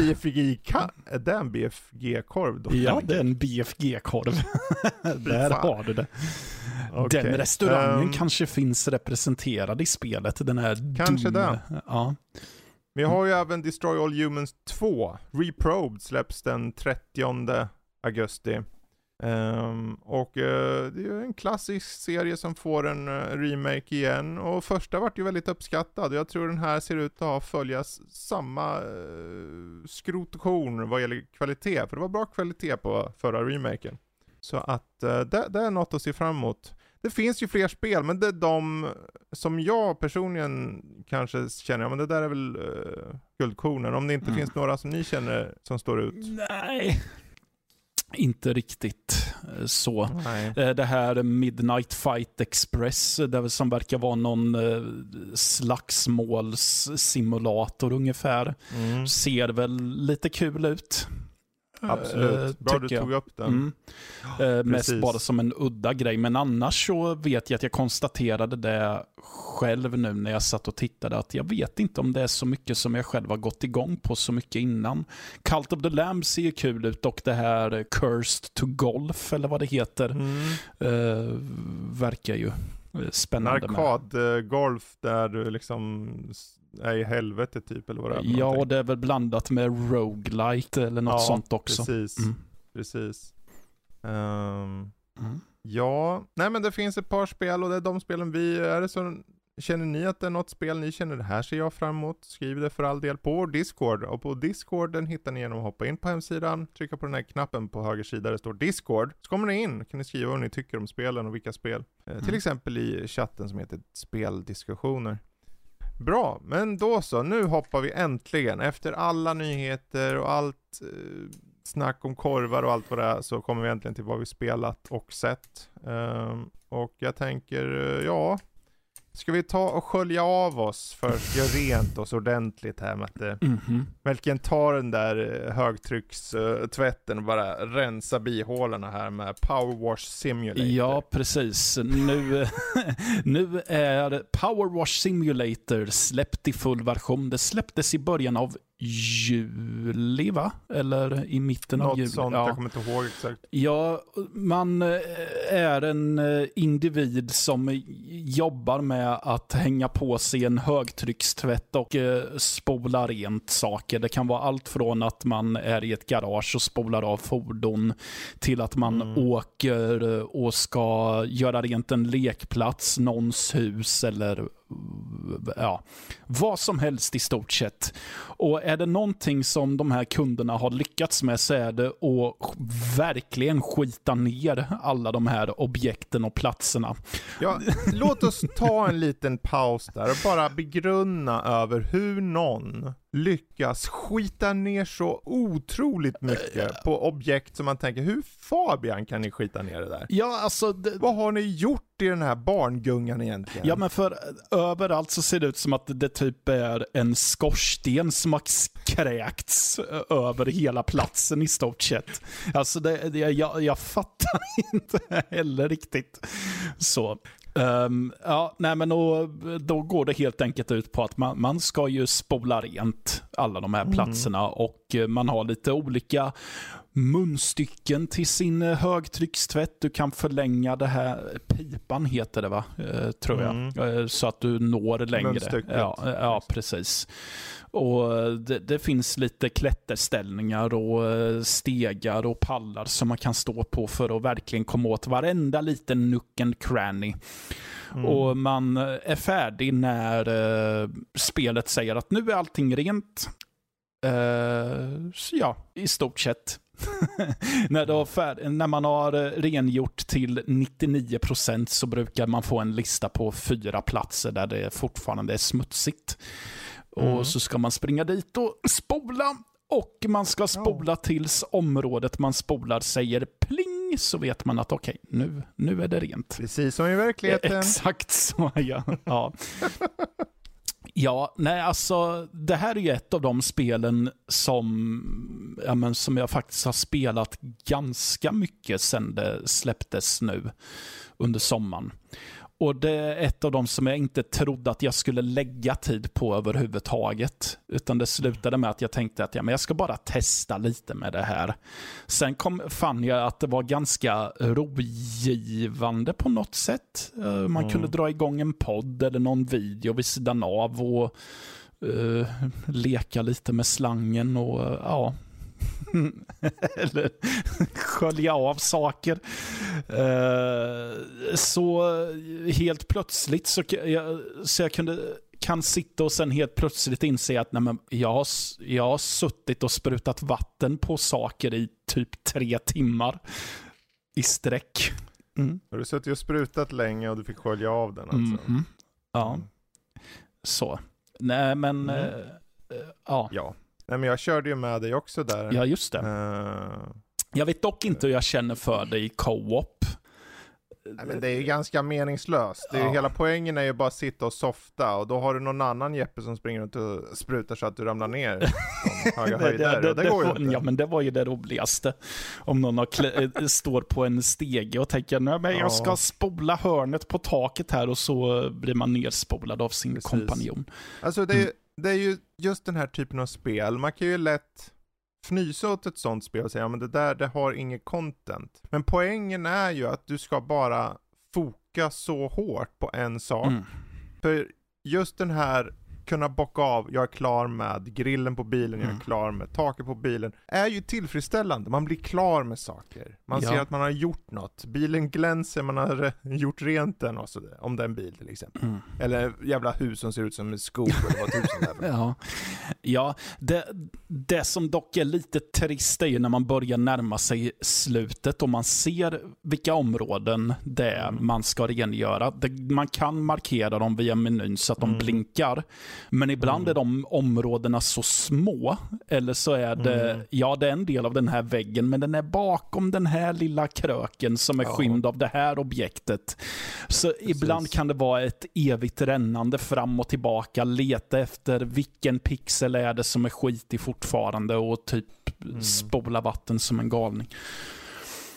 Mm. Ja, Mm. Ja, av det jag körde av spelet så kände jag också att det, det var klart att det fanns njutning i det. Mm. Men för mig var det nog så här, jag kan nog bara hålla på med det här ett tag. För där du, det är intressant det här hur man är som person. För jag blev rastlös av det. Okej, okay. ja. Jag blev så här, alltså jag ser ju att jag gör saker, men jag känner att jag kan göra saker nu. Mm. Alltså jag känner som att när jag gör så lite, så, alltså så tydligt monotont, så blir som, då tänker min hjärna så här, men Fredrik, nu kan du ju faktiskt göra andra saker. Varför står du bara och sprutar på en vägg i en kvart? För att få en prick som är längst upp. Du kan ju faktiskt spela andra spel som har berättelse. Ja, eller som har, ja. så, men samtidigt så finns det någonting skönt i att bara kunna bocka av den här, gå till nästa uppdrag, göra Mm. rent en någons ugn som någon har sprängt en kyckling i, då fan Ja. de har gjort det där jävla Ja, köket. ex- ja. Nej men alltså, jag har ju också den grejen i att eh, hjärnan talar om för mig att ja, men du, du kan ju faktiskt spela andra saker. Och så blir det att ja, men jag ska bara göra klart det här området, sen så Mm. stänger jag av och spelar något annat och sen så eh, har två timmar försvunnit i alla fall. Mm, Så, okej. Mm. För mig blev det mer så här att, ja men nu kan jag spela något annat, för jag, jag blev lite uttråkad av det också, för det blev väldigt så här, lite same same it. Och det är inte Mm. konstigt, för det är ju same same Ja, it, ja, det är hela poängen det, med det är meningen. Mm. Så, att, eh, så jag tror, det är inte så mycket att spelet är dåligt. Det är ganska, om man ska se på ett tekniskt plan så är det lite Yankee, det är tydligt, det är, det är en hårsmån ifrån Goat Simulator för mig, i det att världen och allting, det är okej gjort, Mm. men om du vill så kan du säkert bugga ur om du försöker Eh, Ja, det går säkert. och så, men för den här enkla premissen så funkar alldeles, alldeles utmärkt. Ja. Och vill man ha en sån här bra liten paus i vardagen, liksom bara sätta sig och spruta på ett hus, Mm. tre kvart. Ja, eh, ja, ja, ja ak- absolut. Eh, ja, ja, Jag stod ju och sprutade på dig länge ja, också. ja, ja ska jag inte komma- sprutade på dig också en hel Ja, del. Ja, ja. Vi sprutade så mycket på varandra den Ja, gången ja, när ja. vi satt där och höll på. Ja, ja, jag vill bara förtydliga för lyssnarna att det var samtyckessprutning vi sysslade med och inget nej men annat. nej, nu vart det sådär fånigt igen. Ja, ja. Nej, men eh, Ja. jag tycker att det är ett trevligt spel. Det kommer inte vinna, jag tror inte det kommer vinna några priser i alla fall, men vem vet? Nej. Det finns mängder av sådana här spel. Ja. De släppte ju Mo- uh, Lawnmower Simulator och det är samma sak fast med gräsmattor. Ja, just det, det har jag inte testat. Och jag har kört det Mm. och det har också sin skärm. Du bara åker runt och ser den bli klar och till slut är den klar. Och då Ja. är det bara, ja det är lite i kanten, kan du trimma i kanter? till? Ja, eller som det här, eh, jag vet inte om det är riktigt samma sak, men eh, unpacking, det här att du flyttar in i ett Precis. hus eller i ett rum och så ska du bara packa Mm. upp och sortera in alla saker du har packat med dig på sin rätta plats. Ja. Där finns det ju dock lite som en slags berättelse Ja. i det visuella. Det där. gör det. Ja. Om man eh, lägger märke till vad det är för saker man packar upp så märker man att nej, men Mm. det finns ett narrativ här. Och att det är Precis. lite fint med det här eh, eh, grisgosedjuret som följer med under hela. Ja, Mm. precis. Mm. Ja, från gris till sötnos. Eh, Danny, Mhm. eh, du har ju skrivit in tre spel här. Är det någon av de här du känner mer att du vill bubbla om? Eh, jag känner mer och mer sådär. Jag kan nog prata om de, de flesta jag skriver in. Men jag, jag tänker att eh, några kommer vi kunna prata tillsammans om. Som till exempel, Mm. vi kan ju ta liksom uh, första här, Kirby in the Forgotten Land. Ja, just det. För att eh, Mattias var ju över hit till Örebro och vi hade lite, lite häng. Och eh, Fredrik har ju Kirby in Forgotten Land så vi fick ju tillfälle att sätta oss och spela där och det var Mm. ganska intressant att springa omkring som Kirby. Så helt plötsligt sväljer man typ en bil och kan liksom puttra runt. och se, Ja. Det ser lite fånigt ut sådär. Eller man sväljer en uh, automat liksom och skjuter burkar på fiender liksom. Ja, jo. Men Ja. sen fanns det också den här klassiker att du får en specialförmågor, typ på ett svärd eller kan skjuta mm, projektiler och sånt där.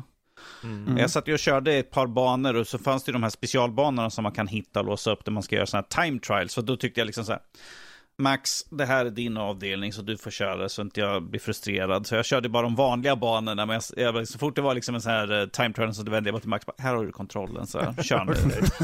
Ja, det är bra. Det är cooperation där. Det är. Precis. Eh, Men eh, jag, jag satt och försökte plocka allt som fanns på banorna. De här. Mm. Det finns ju viss, på banorna finns det liksom att du ska göra en viss antal, typ Mm. hitta ett par karaktärer och sen ska du eventuellt göra några sådana små side missions som finns. Liksom. Jag försökte Precis. liksom, för att när man har klarat banan, ifall det är något som du har kvar som bara står i frågetext som du inte hittar, så kommer det upp liksom att det här är det du har missat. Det var liksom, ah, det fanns en skylt jag skulle liksom bränna upp Mm. liksom på den här banan. Så bara starta om banan, spring igenom, kommer fram till den, bränner upp den, så bara drar till slut, så får man liksom 100% avklarat. Vilket jag tyckte var Mm. rätt trevligt, sådär, för som en liten completionist sådär, ibland.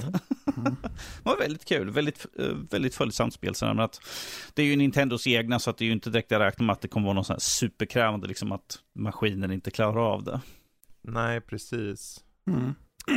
Nej, men jag tyckte att det var ett väldigt trevligt och mysigt spel. Det är väldigt mm. roligt. Alltså det har ju väldigt mycket humor. Det vet ju om någonstans hur fånigt det är med en eh, rosa klump som slukar saker. Men, det, ja.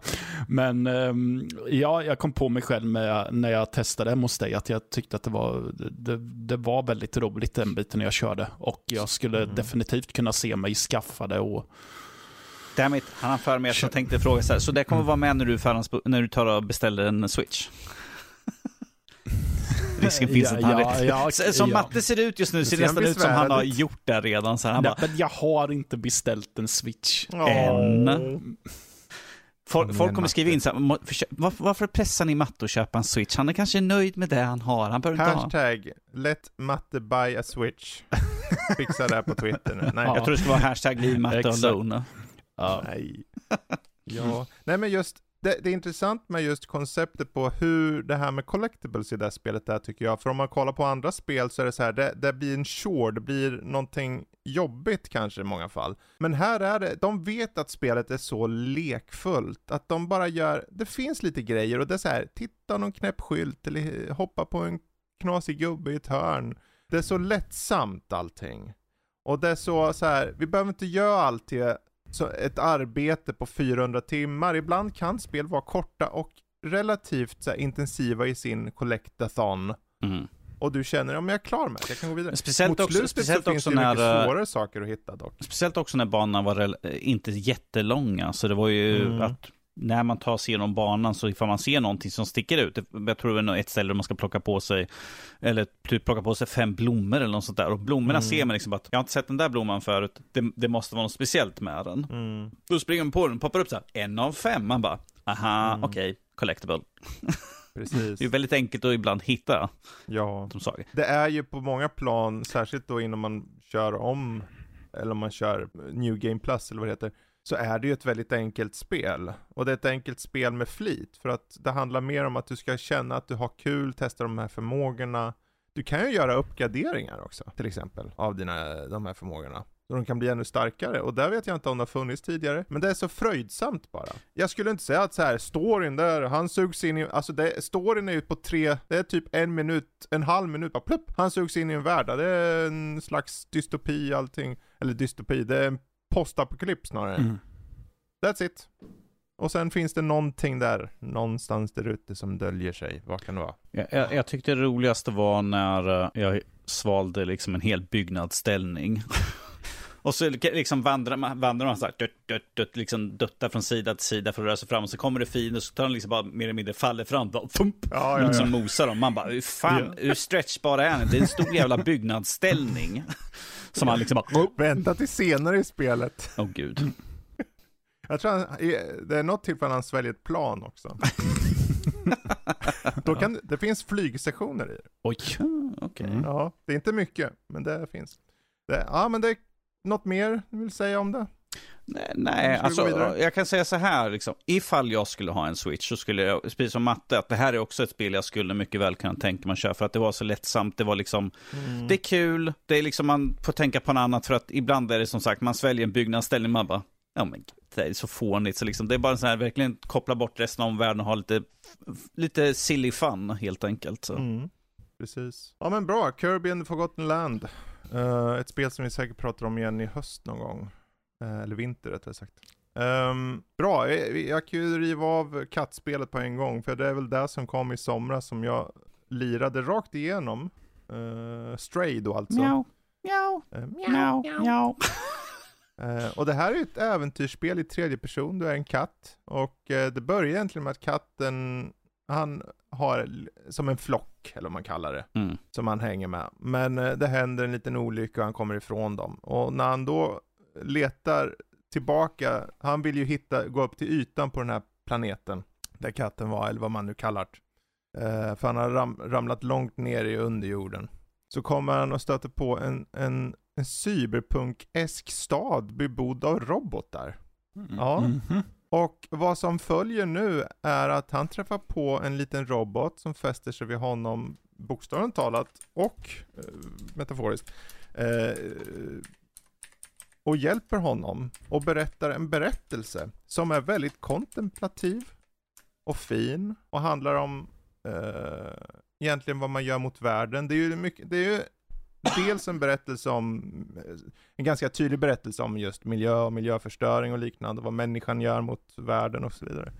Men också just enkelheten i att ha en katt som en tyst protagonist eh, och den här sidoroboten gör att man hela tiden får se världen utifrån en annat perspektiv och till och med när alla de här robotarna du interagerar med så får du tänka på hur mänskligheten är i relation till dem.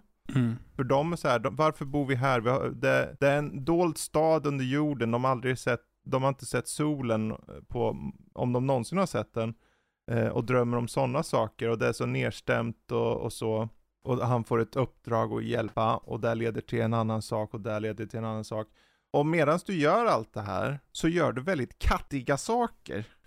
Du går fram till en soffkant och klöser lite grann. Du lägger den ner i ett fönster och sover. Du kan sova. Det finns ett achievement för att sova i en timme tror jag eller någonting. Japp. Om du bara, lägg, du bara lägger det och sen går du ifrån Och det är inte in. Bara, för jag tänker liksom, ja men en timme, liksom. det är inte in game time, utan det är en verklig timma du ska ha katten liggande. ja, ja, precis, precis. Ehm, Det var intressant det liksom att lägga detaljer. ifrån sig handkontrollen och bara liksom, uh, Ja. jag går och gör något annat under tiden. Så. Men det, det är mycket, det här spelet påminner mig mycket om ett slags lite klassisk äventyrsspel så, för det är så här hitta pussel i miljöerna är det mycket fokus på. Det finns, jag skulle inte säga att det är några strider så, det finns någon liknande stridgrej någon gång, men typ en, två gånger. Jag säger inte vara. Men det, det handlar mycket om nerv, det handlar om stämning, det handlar om eh, familj och att sträva mot ytan, vad nu man vill läsa in i det. Mm. Eh, och jag vet inte, jag tyckte det var, det är ett spel som rent tekniskt är väldigt snyggt, men samtidigt är den ganska yankee i vissa animationer ibland, om det kommer i en viss fel vinkel något så kan katten rycka till på ett konstigt sätt. Det, det märks att det är indie också, men jag, jag ehm, körde rakt igenom det, Mm. gjorde jag. När jag köpte det. Jag körde på Switch, eh, Steam-däcken också så. Det gick fram, den verifierad där också, så det var, var jättebra. Kan ju säga så här, för, Så de, ett- för de som har eh, Ja. Playstation Plus så finns det ju... De som har där Playstation, ju. eh, pre, eh, de som har extra eller premium, så finns den Mm. tillgänglig.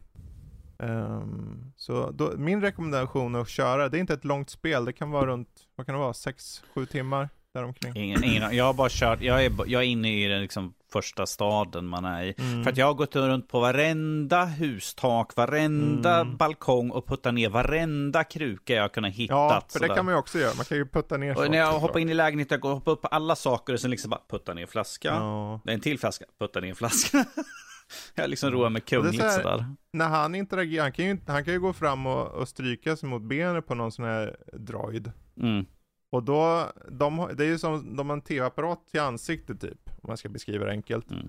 Då antingen så gillar de det, och då är det ett hjärta där, eller så gillar de inte det, och då är det så vågiga linjer eller något annat, eller bara oroliga så här. De är väldigt så här animerade sett till förmedla känslor, trots att de är robotar, Mm. som jag tyckte om. Mm. Så, nej men jag, jag tyckte det var ett väldigt fint spel. Det, det har några brister här och var.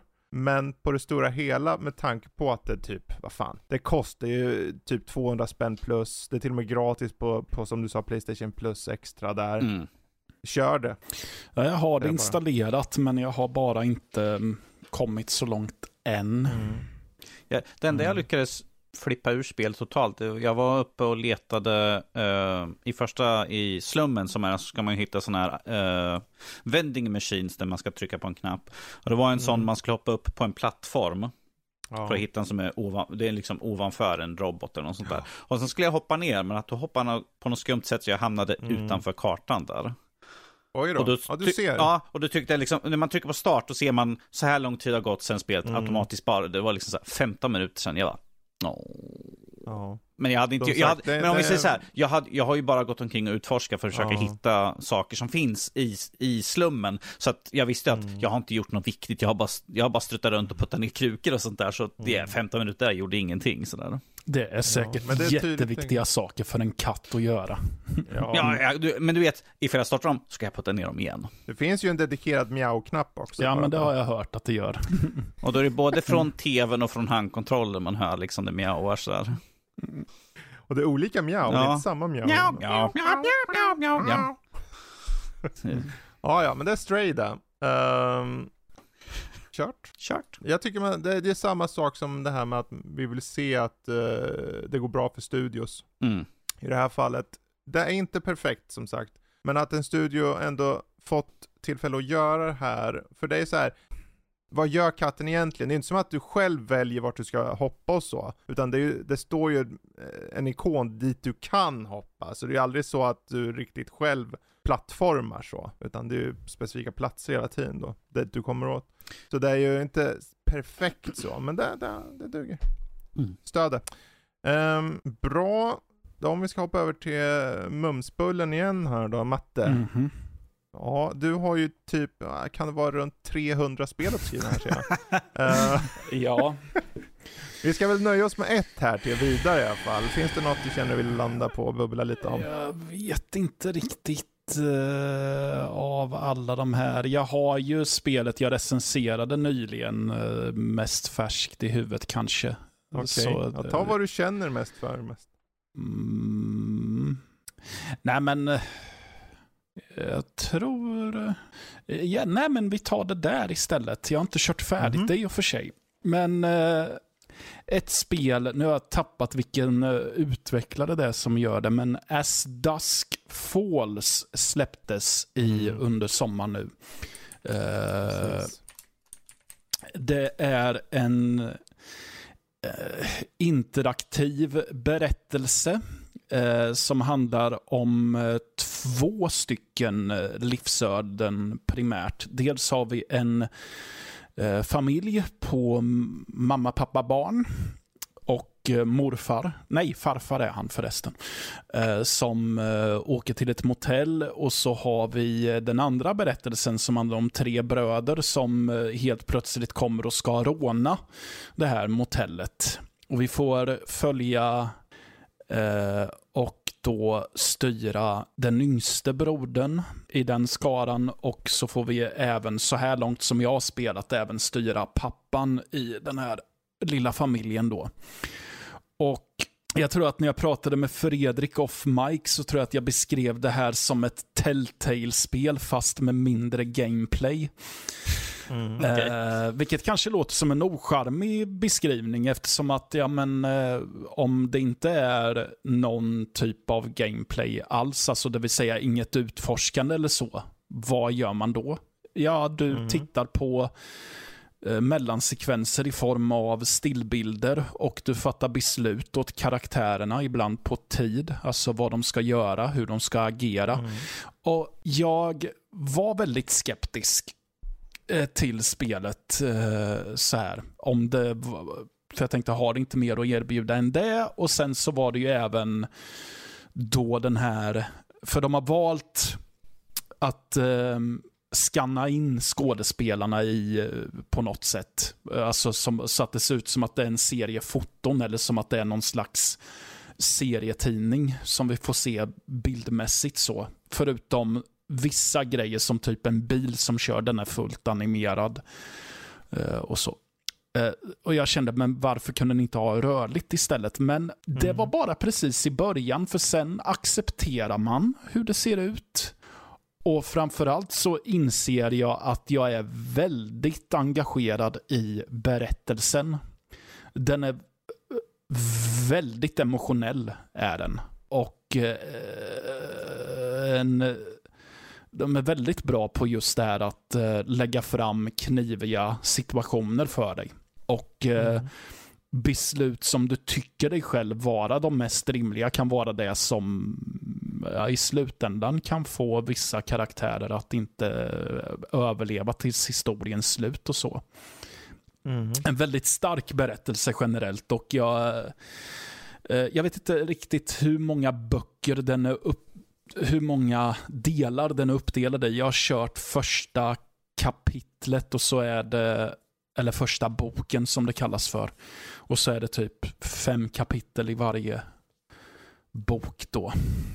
Och så eh, på lite eh, Quantic Dream och Telltale-vis så får du efter varje avslutat kapitel se hur eh, händelseförloppet som eh, baserade kring valen du beslutade och hur många andra spelare som har fattat samma beslut Mm. som dig i procentenheter och så.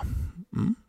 Nej men det, det var ett förvånansvärt intressant spel tycker jag. Så är det. Och jag, så, det, det, det är inte ett spel för alla. För jag vet att en del har åsikten att ja, men jag vill spela spelet, jag vill inte titta på spelet. Mm. Lite så. Eh, Och, men eh, jag tänker att om man är intresserad av narrativ tycker jag att man kan kolla på det här. Eh, kolla in det här spelet. Ehm, så. Det finns på Game Pass för er som har det. Mm. Eh, Jag vet inte hur dyrt eller billigt det är på övriga plattformar, men eh, jag... Ja, Kostar 30 euro på Steam. mm, okej. Mm.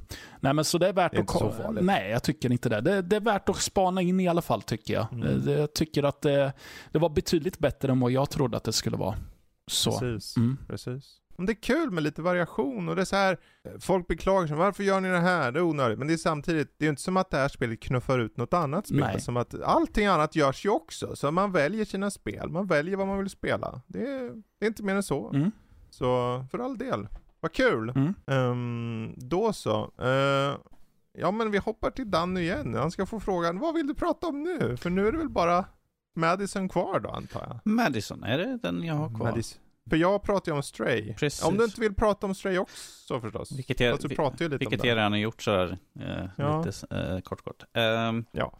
Vi kan prata om Stray, eh, Madison menar Stray har vi redan pratat om. Jesus Christ, det börjar bli sent här nu känner jag sig i huvudet. Ehm, Madison är ett skräckspel där du inte kan attackera fiender egentligen. Eh, du, kan, Okej. du har en kamera till hjälp. Eh, känns som det börjar bli lite kliché på spel jag spelar nu på sistone tiden. Så därför att jag har ju recenserat um, heter, eh, Phobia, där man har en kamera också. Jag, jag spelade ju Ja. också det här Fatal Frame, som är ökänt för att man har en kamera som man springer omkring och skadar eh, andar och sånt med. Men att här har du en kamera som du använder för att hitta ledtrådar eller låsa upp nya saker i spelet. Det kan vara till exempel att du ser en målning på väggen, en massa tecken och sånt där och så tar du en bild på kameran. Och, och något som de har, de har sagt väldigt mycket att du kan ta, det är polaroidkamera, du kan ta en bild och sen kan du själv skaka på bilden så man måste trycka in en utav trigger, bakre triggers för att skaka på bilden. Jag bara, Okej. Ja, Okej, kan vi inte bara haft det automatiskt att bilden kommer ut på direkt? Men att det är liksom för att liksom, vad är det för något på bilden sådär? Är- Är det liksom där du ser rakt framför dig, eller är det något annat? För till exempel, du hittar en, eh, det här är ganska tidigt i början av spelet. Eh, För, för att hitta en lösning på ett pussel så måste man ta en bi- bild på en målning som på väggen eh, som man skakar fram och så ser man att ah, men det finns nya tecken som jag ser på bilden som är lösningen på pusslet. Problemet är att jag hade ingen aning att eh, det var en, någonting väldigt viktigt att ta bild på. Och jag sprang omkring. Pusslet är att det finns en brunn i, under, eh, under huset nere i källaren. Och där sitter tre hänglås, eh, kombinationslås. Och kombinationslåsen är typ olika symboler. Och som jag skrev i min recension, att det hjälper inte att Madison, eller att Lucas som han spelar som, helt plötsligt säger så här, hmm, jag känner igen de där tecknen, jag har sett dem förut. Jag bara, nej det har jag inte. Vad fan pratar du om? Jag kommer inte ihåg dem för fem öre. Så, här. så jag sprang liksom omkring, liksom stirrade överallt, öppna. Mycket av tiden kommer gå ut på att springa fram och tillbaka, öppna upp varenda låda, ta bild på allting du ser som inte ser riktigt normalt ut. Så här, typ, ja, en stol, ta bild, nej det var ingenting. För att när man tar en bild på någonting som har betydelse eller som är viktigt för spel så skakar bilden till och det, man får en sån här soundbite som kommer så här, liksom mer eller mindre att det här är viktigt och så får, skakar man på bilden så kan, tittar man liksom så att aha, det är någonting viktigt och så får man i sin anteckningsblock så kanske kommer upp liksom en, bild eller en del av storyn som berättas vidare liksom, eller som ger en hint vart man ska någonstans. Eh, för att mycket av tiden går ut på att springa omkring i huset. Men vi tar, mm. kan ta lite kort om storyn. Storyn är att man spelar då som sagt Luka. Man vaknar upp på golvet i ett rum där man har blivit inlåst av sin pappa som står och gråter och liksom anklagar för att ha mördat, eh, jag tror det är sin mamma och sin syster.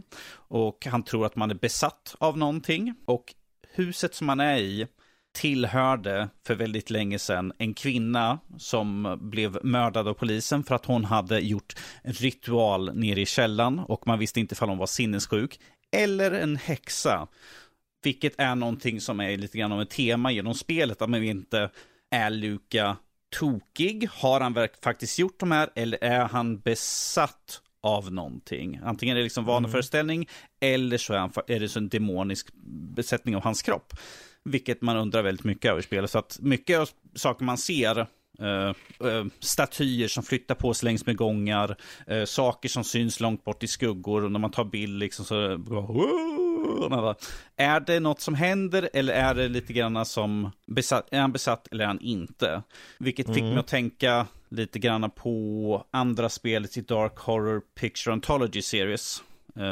Little Hope. Little Hope, för där är ju också lite grann här, händer det? Eller är det en vaneföreställning? Ifall man inte spelar spel tänker jag inte säga vad det är för någonting, utan det får man spela, ta reda på själv där. Men att det är samma ådra där, att jag är osäker på att no ifall någonting faktiskt händer.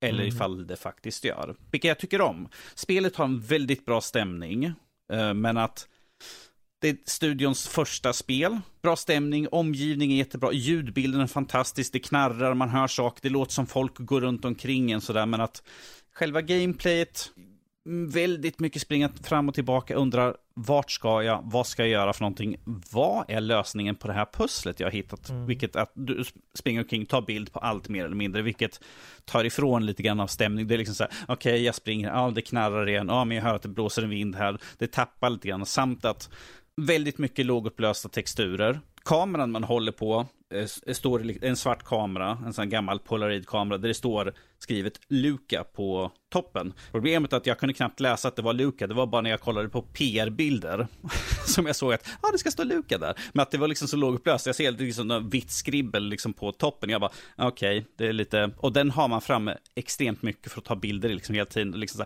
här, ah, går, fram, gå till en staty, liksom ser liksom, den är väldigt diffus. Jag bara, men jag är en bit ifrån, det kanske blir skarpt när jag kommer fram. Nope. fortfarande suddigt. Och det är ju skumt för att jag körde ju ändå där på uh, PS, PS5. Mm. Jag tänkte liksom så att det borde inte vara problem med inladdning av texturer eller något sånt där. Men att, ja, Nej, det skulle vara om bara spelet finns i PS4-version. Ja, jo, jag tror ju att det troligtvis är. Men jag tycker att även PS4-version borde inte vara så här att det är jättemycket ja, lågupplöst. Det känns ju väldigt skumt. Det, det, känns ju som att de har missat liksom någonting, att det inte liksom att de bara, oh shit, vi har glömt liksom att ladda in. När man kommer mm. nära att det laddar in liksom högupplöst. Nej, precis. Alltså, som sagt, spelet har något. Det har stämningen, det har en intressant historia, liksom man undrar, det är liksom det som driver vidare, vad händer, vad är det som har hänt? Mm. Uh, men att det här med att man springer tillbaka, och sen inventory, man kan bara bära mm x antal saker på sig. Jag tar jämförelse med Resident Evil, att du har liksom inventory, men Resident Evil kan du uppgradera och bära på dig fler saker. Här är, kan du inte göra det, och då har du ändå saker som du måste bära på dig, så att automatiskt, kameran räknas som en del av ditt förråd du bär på dig. De bilderna du tar kan du inte lägga av dig, de räknas, det är två platser borta där på dräkten. Och då är det liksom, eh, vad är det, åtta, plat åtta platser man har. Så det är liksom sex platser kvar och det fylls upp ganska mm. snabbt man springer runt. Och en del pussel är liksom att plocka ner tavlor och byta plats. Och man bara, jag har bara plats så jag kan plocka ner tre tavlor, så jag måste springa tillbaka, lägga av med saker, springa tillbaka. Eller ifall man hittar någonting när man är ute på banan har följt, det är liksom så här, jag måste springa tillbaka och sen komma ihåg vart var grejen var. Väldigt mycket springa fram och tillbaka, vilket är synd. Mm. Och det var ju det samma sak med Fobia, jag hade väldigt problem med det där att väldigt mycket springa fram och tillbaka. Stämningen finns, ljudbild fantastiskt, det har en intressant historia, men att de andra liksom sakerna fallerar den ganska hårt på. Liksom mm. man bara, det, ja, det tar bort det roliga, vilket är tråkigt, för det här har potential att vara ett riktigt bra skräckspel. Mm. Det är ju så, men det, det kanske är nästa spel. Nästa spel, precis. Det här är som sagt första ja. vad det verkar som. Så att jag ser en stor potential för studion i alla fall. Mm. Ja. Ja men det är ju kul där mm. i alla fall. Madison då. Yes. Uh, bra, jag tänkte ni ska få välja här för jag har la Live Alive, Horizon 5, Hot Wheels och Sweet Transit. Vad vill ni höra om? Vad tycker du Matte? Uh, ja, jag vill höra lite om uh, uh, Sweet Transit. Sweet Transit? Mm. Okej. Okay. Ja, ja det, blir lite första intryck då. Först, för jag sitter med det just nu i recension, inte recension förhandstitt ska jag göra. Men när jag började spela det här så tänkte jag, jaha, jag är dum i huvudet alltså. Jag är komplett korkad, jag fattar inte ett jota det här. Jag är nästan på Dannys nivå. Vad fan! Vad helvete. Det, du, bara, för det, bara för det ska du få en BFG-korv i Va? näsan. Oh, en BFG-korv. Uh, nej men det här är en slags kombination av Anno och uh, Factorio. Och då är det så här, du, du har då, du bygger en liten stad. Och de här nötterna i staden bara, um, vi vill ju jobba va? Jaha. Okej. Okay. okay. Jag drar en järnväg till det här eh, kolstället här borta så får ni hugga lite. Ja men då blir vi glada säger de. Nu är vi glada. Fast vi skulle vara glada om vi fick vatten också. Ja okej, okay, ni får lite vatten tog. Vi skulle vara glada för en marketplace. Ja, ni får lite marketplace. Vi vill också ha mer jobb, för nu är vi ju fler här. Ser du inte att vi är fler nu? Vi måste ha mer jobb. Var är alla jobb någonstans? Mm. Skriker de. Och så bygger du upp fler ställen, du hämtar trä från ett ställe. Det, det, är inte så mycket att de skriker egentligen, det är bara att du försöker förse dem med jobb genom att placera ut by, äh, ställen där då äh, jobb krävs, det vill säga det kan vara trä, vad heter det? Såmill, sågverk och det kan vara att de fixar malm och allting vad det heter, kol och allt det här. Och för att göra det, och där faktoriebiten kommer in då, då behöver du dra räls och du behöver eh, dra de här eh, järnvägarna som går på olika spår. Och du ska sätta upp de här stoppsignalerna själv. Oj. Så att det blir korrekt. Och jag gjorde tutorial, det var fyra delar basic och det var avancerat och det var ditten och datten och det var bara en specifikt om signalerna som tack och lov också hade en del som var som eh, lite test här. Nu kan du testa och se hur snabbt du gör de här på. Hur, hur lätt du klarar det. Um, jag gjorde det men ändå bara, hur gör jag det här? Men sen så efter jag började om två, tre gånger, för jag körde med Danny, eller jag körde inte med dig, men vi satt här om, om det var någon dag sedan igår eller vad det var. Och jag satt där bara, hur gör jag det här? Hur funkar det här? Verkligen klurade. Och när du, när du poppar ut sen så tänkte jag, ja men jag, jag startar upp igen. Nej, startar du upp igen efter klockan? Jag startar upp okay. igen. Och eh, då klickar det. Och jag satt där, okej, okay, men jag låter dem gå i samma eh, riktning, de här tågen. De går i samma riktning. De ska hämta BFG-korven, leverera den till staden, människorna ska äta korven, mm. spy ut den, skicka resterna till det här stället. Och när det var i samma riktning och gick runt, och du, du bara okej, okay, först gör vi en rutt. Du måste göra rutten, okej, okay, du ska gå hit, den ska eh, samla upp, så att det här tåget ska, eh, vad det än är för tåg så ska den samla folk till exempel och lämna folk här. Och du gör en ny rutt som är att samla eh, råvaror, till exempel trä, den ska lämnas på warehouse, den ska lämnas i staden och den ska gå rutter. Och sen köper du tåg och signar de där tågen till de olika rutterna, deployar dem, så åker de ut och har du satt alla signaler rätt så krockar ingen och det står inte och fastnar någonstans. För det var så det började. Det stod stilla överallt. Alla stod, vad fan, tut, tut, tut, tut, tut, höll de på så här. Man kunde nästan se, om jag zoomade in så bara, skulle inte a, skulle fan ana om det var någon liten gubbe som sprang ut och hyttade med näven. Men Ma Matte. Det gick. Matte, låt mig säga, om vi säger så här, den, den spelomgången jag såg när Fredrik satt så här. Mm. Den som hade hand om kontraktet för att bygga järnvägen, alltså bygga banor och sånt där. Gud vad de älskade Fredrik, för han drog så mycket spår. Det var liksom så här, ja ah, shit, om man fastnar, ja men då tar jag drar mm. en, liksom att det går över från ena spåret till det andra. Ja ah, okej, okay, det funkar inte. Men du gör en cirkel precis utanför som kanske kan snöa runt. Ja, det funkar inte. Ja, men då drar jag, ett, då drar jag liksom ett helt spår runt, runt spåren. Liksom, åh oh, gud.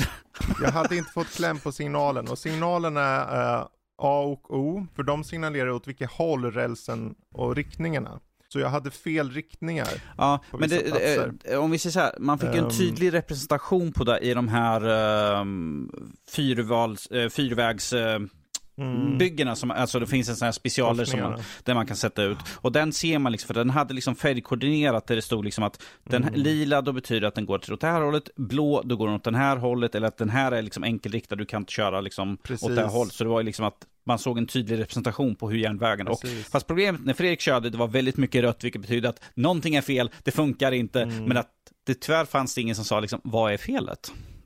Det sa det egentligen, förstod jag sen.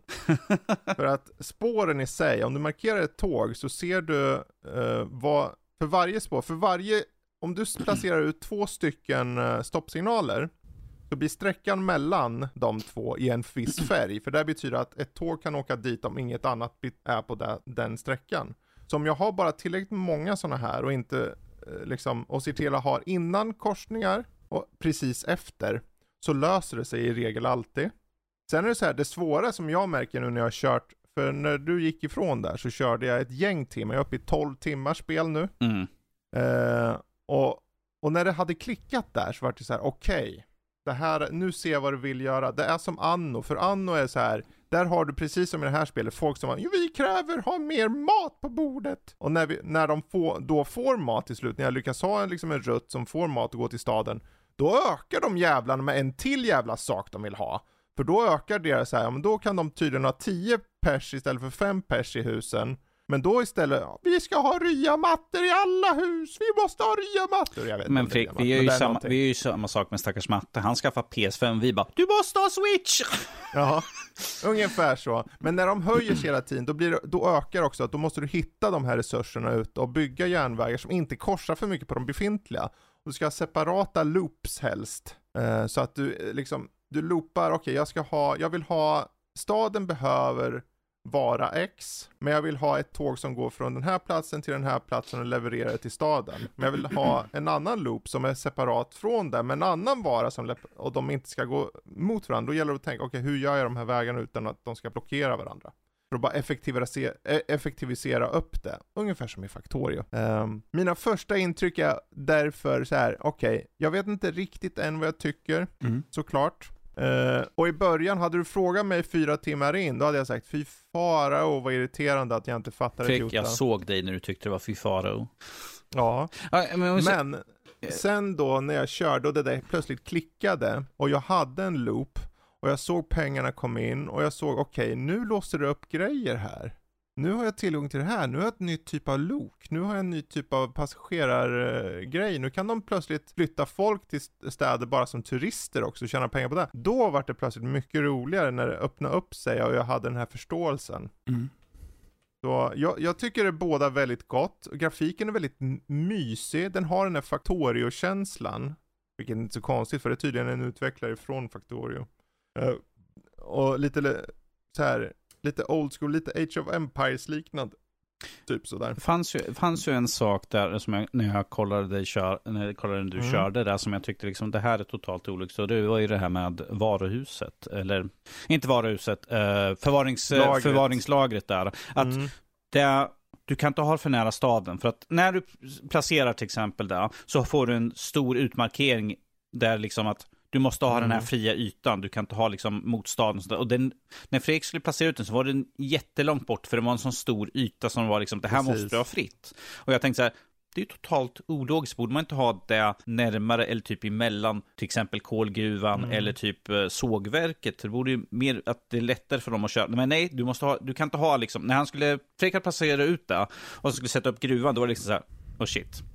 Jag har satt den för nära kolgruvan så jag kan inte bygga på kolgruvan för att den ligger inom den här zonen som ska, måste vara fri. Så att jag måste få börja om snabbt så för att det var typ det han hade gjort. Satt ut den och så liksom, jag måste börja om för att den har satt den för långt ifrån. Precis. Eller för nära. Så flytta den typ två, tre hack bort och sen Ja. liksom sätta. Det tyckte jag var lite så här, det är inte logiskt. Men som sagt, det är ju early access så det kan ju vara saker de får feedback Jag vet på. varför ju. det är så nu. Okej. Det är så här att spelet handlar ju mycket om de här rälsarna då. Ja.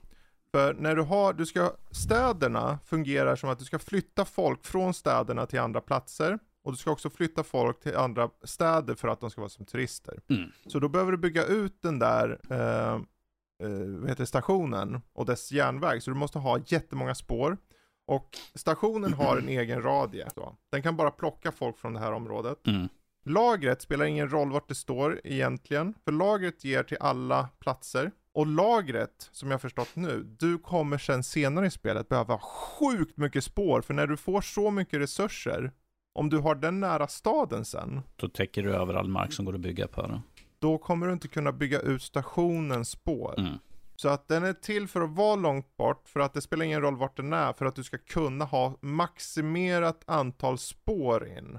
Om du till exempel, om de hade tagit bort, säg att de tog bort det här med de här områdena och du placerar den precis bredvid, för då hade jag placerat den, jag hade ju tänkt, ja men då placerar jag den precis vid staden bredvid min station. Mm. Men i och med att stationen då kräver spåren för sig själv, så skulle de förmodligen inte kunna lämna till det där jävla varuhuset. För att då hade stationens alla spår bara tagit alla spår i, själv så att säga. Mm. Så att jag tror det är därför, för att de, vad de vill är att du ska använda den stora ytan för att göra, jag skulle gissa på typ så här 20 till 40 spår till slut. Som har en så här supercentral, du vet som, tänk Hallsberg. Mm. Så, det, är, det är vad det är. Så den lilla lagerhuset där, det kommer bli Hallsberg. Det, det är kul, Jag man kan ju döpa, man kan ju döpa allting till precis vad man vill egentligen. Ja. Sådär. Jo, precis. Jag började om och då döpte jag det till Bettorp och Lillån och grejer. Men eh, som sagt, det är som du säger också, att det, saker kan ju förändras också. För det är en early access Mm. och det, det, mina intryck hittills, även om de tjatar om sin jävla uh, BFG-korv och allt det där, så känner jag, men eh, dämpa er. Jag måste, jag måste testa mer, se vad det finns i det här och återkomma längre fram. Jag hoppas ju att det här släpps inom inte an, allt för lång framtid. Förmodligen i mitten av 2023.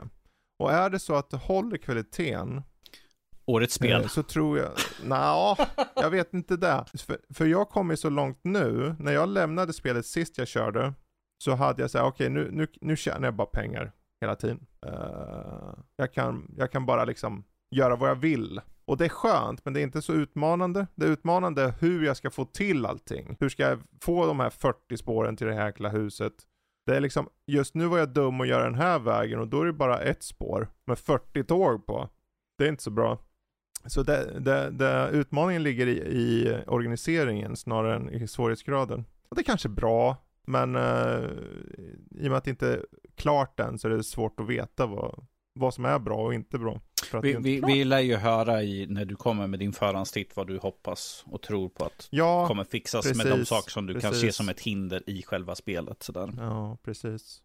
Bra, men nu skiter vi i det. Nog med Sweet Transit. Ehm, jag river av två spel snabbt här bara för att få det klart. Yes. Live Alive är ju det här spelet som jag vet att Matte kommer vilja köra.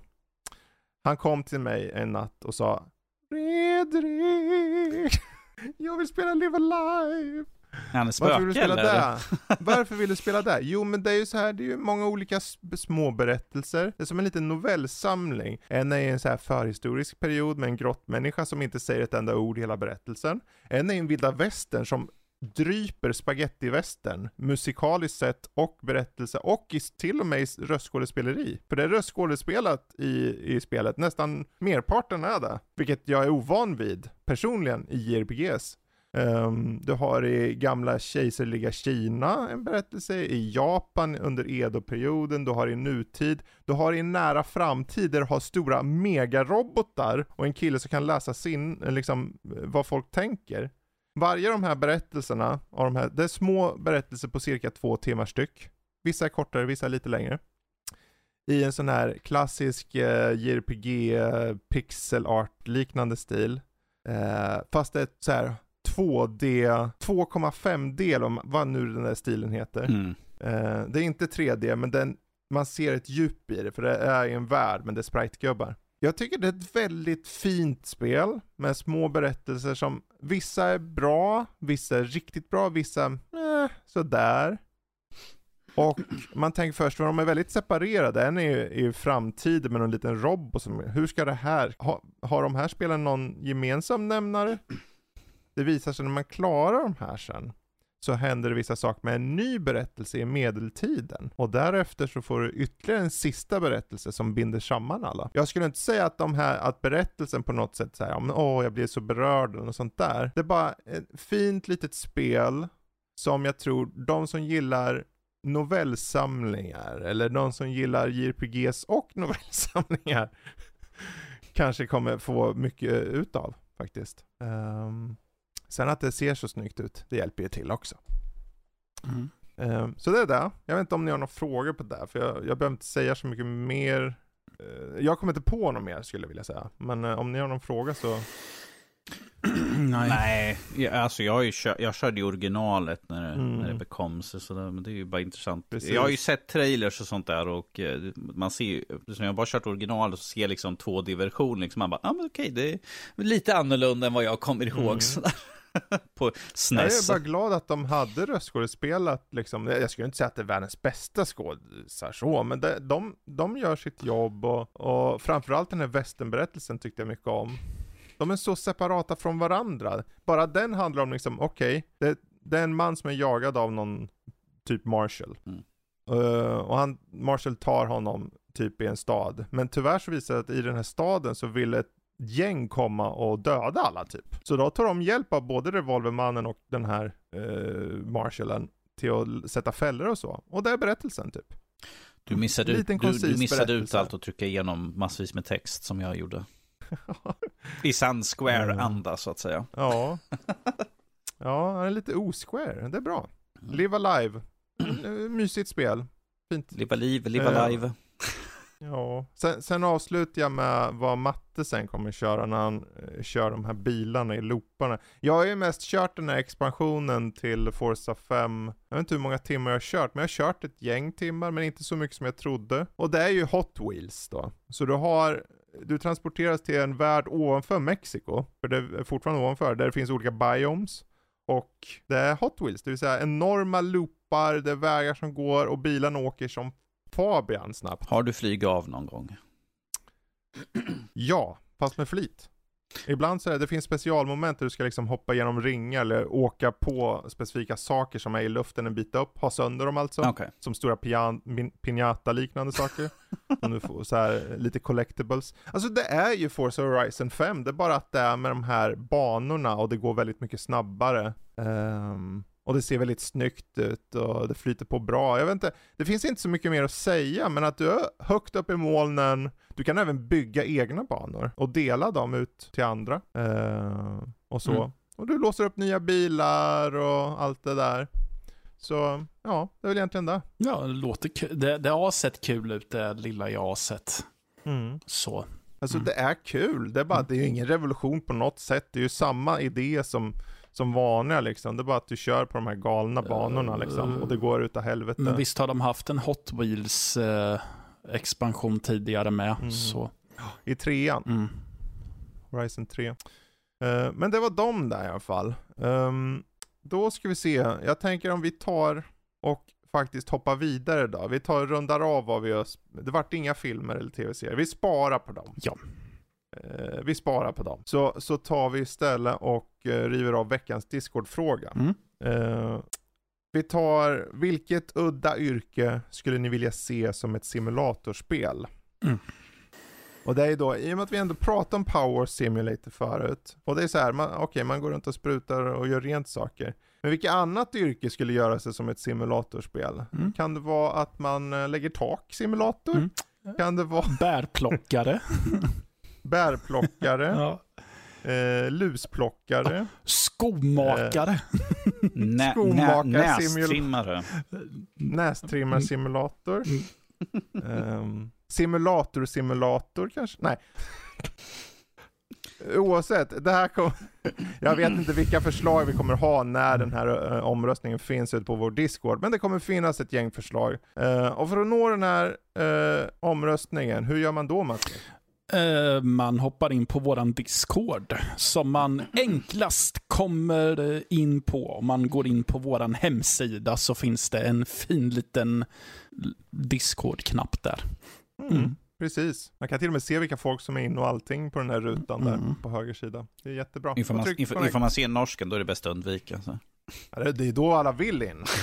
Så det är bra. Och det finns som sagt, då finns det en, en, en chatt som heter omröstningar och där kommer den finnas i. Så vilket udda yrke skulle ni vilja se som en simulatorspel? Och det kommer vara en mängd olika förslag. Eh, man får gärna skriva vad man tycker också i någon annan chatt, typ speldiskussioner eller något. Bra, vi går till sista grejen för idag och det är ju då att uh, vi har en Q&A för podden chatt där på Discord där man kan ställa frågor eller funderingar eller vad som helst. Eh, där vi har John Levin som har slängt två frågor. Eh, ser jag. Eh, han skriver så här, då måste jag kasta in några galna frågor för er att bita i.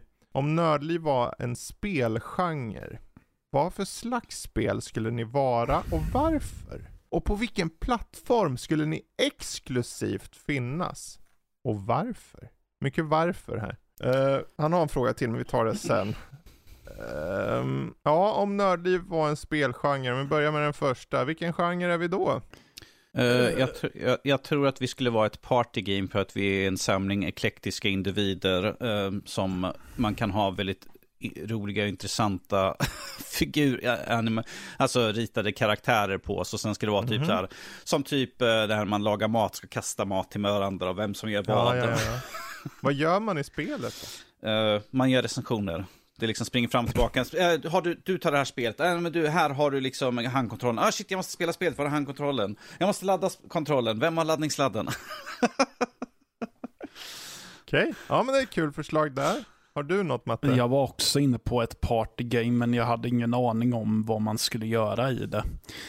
Uh, så, men då kan jag väl uh, spinna vidare på det. Att det, vi, det, det, det, är som ett strategispel. Att man ser att, uh, ja men, inte att man ser en hel stad, utan man, vi, mm. vi är alla belägna i en enda byggnad och så ska man eh, anställa nya recensenter och eh, se till att recensioner och grejer kommer ut och att podd spelas in. Och så, så att det är lite mm. som en, eh, vad ska vi säga, corporation management kan man säga. Uh, i okay. ja. ja. så. Så jag tänker uh, lite som city skyline fast eh, koncentrerat till en enda byggnad. Så. Mm, mm. Mm. mm. Ja, jag hade ju kunnat tänka mig en nördliv kartracer. Åh oh, gud. Mm. Alla har en signifikativ, så här, signifikativ eh, move liksom. Danny, han, han bara skjuter ut näsan åt sidorna och den bara knuffar av folk från banan. Mm. Um, Matte svepar skägget från banan och bara får folk att flyga av. Det är många som flyger av banan här. Ja. Um, och så har vi Fredrik det... som åker fram på sin BFG-korv. oh man. Ja, men det är så här, alla har en specialförmåga och uh, man har så här kufiska bilar och grejer. Uh, och plattformen för det här bara för att gå emot lite, det är inte Switch utan det är på, på, play, på Xbox. Det skulle vara Nördliv Kart Game, mm. The Game, The Movie, The Game. Ska, men Fredrik, vi måste ha som asiatiska spel så här onödigt långa så namn som ja, makes ja. no sense. Uh, Nördliv Master of Kart Racing Ultra Edition Exerd 3 Mirror Edge Phantasm. Part 4. Alla bara, bara de tre första Part delarna, four. det finns inget. Part 4! ja. Vilka plattformar skulle era spel ha varit på? Uh, PC. PC. Uh, jag tror jag Switch skulle nog vara partyspel sådär. Ja, ja men det är bra. Bra, hans sista fråga, han skriver en till fråga. Om streaming rent hypotetiskt funnits på 90-talet, vilka spel tror ni hade varit tittarsuccéer? Tack för en bra podd, hoppas ni tar upp dessa frågor, ser fram emot det. Ja. Tack. Um, om, ja, om, om, vi tar ifall streaming fanns på 90-talet, och vi säger, vi säger inte att det är något sånt här plattformsspecifikt sådär, men att uh, mm. jag tror ju fortfarande att uh, till exempel på Nintendo, typ Super Mario World, precis som det redan är nu, hade varit en stor hit och sådär. Folk bara hade kunnat streama istället för att liksom ha spelet. Mm. Um, jag skulle ha sagt Unreal Tournament tror jag. Oh, Unreal Tournament. Ah, det var PC typ. Det var tider där. Så här, tittar, okej okay, nu är han bra, han, sni han sniprar någon i luften, det jag hatar man. Det var kul att göra det ibland. Mm. Mm. um... Ja, jag tänkte också på Unreal Tournament, och sen, men jag tänkte också, men det kanske inte var 90-tal, Quake 3 Arena. Jo. Ja. Jag tror att de, möjligen att de kanske hade slagit som samma tittare i så fall. Mm. Tror jag. Jo, det är sant. Mm. Ehm, 90-talet, det är så svårt Ja, att säga eh, sådär. Age- ju- Age of Empires, Ja. tror jag. ja. Mm. Jag, jag tror ju att, eh, ja. för att folk vill ju ha mycket att titta på sådär. eh, Mm. Så jag tror ju definitivt att något sån här gammalt Square-spel från den tiden, för då får man ju mycket tittartid ifall man vill se på ett stort spel och man kanske inte vill Mm. köra det själv och bara kunna titta på det då. Som, som till exempel, vi tar Mm. ett praktexempel, Final Fantasy 7 som kom 97 där. Då hade ju liksom folk kunnat titta fullt med i historien liksom utan att behöva liksom äga en Playstation och behöva spela det själv.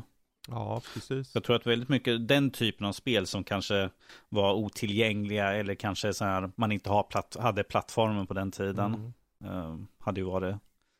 som sagt, Mario var ju liksom för att det är populärt och folk Mm. vill, tycker om att titta. Jag ser ju det fortfarande att massor streamar ju eller kör Mario eller något sånt där. Mm.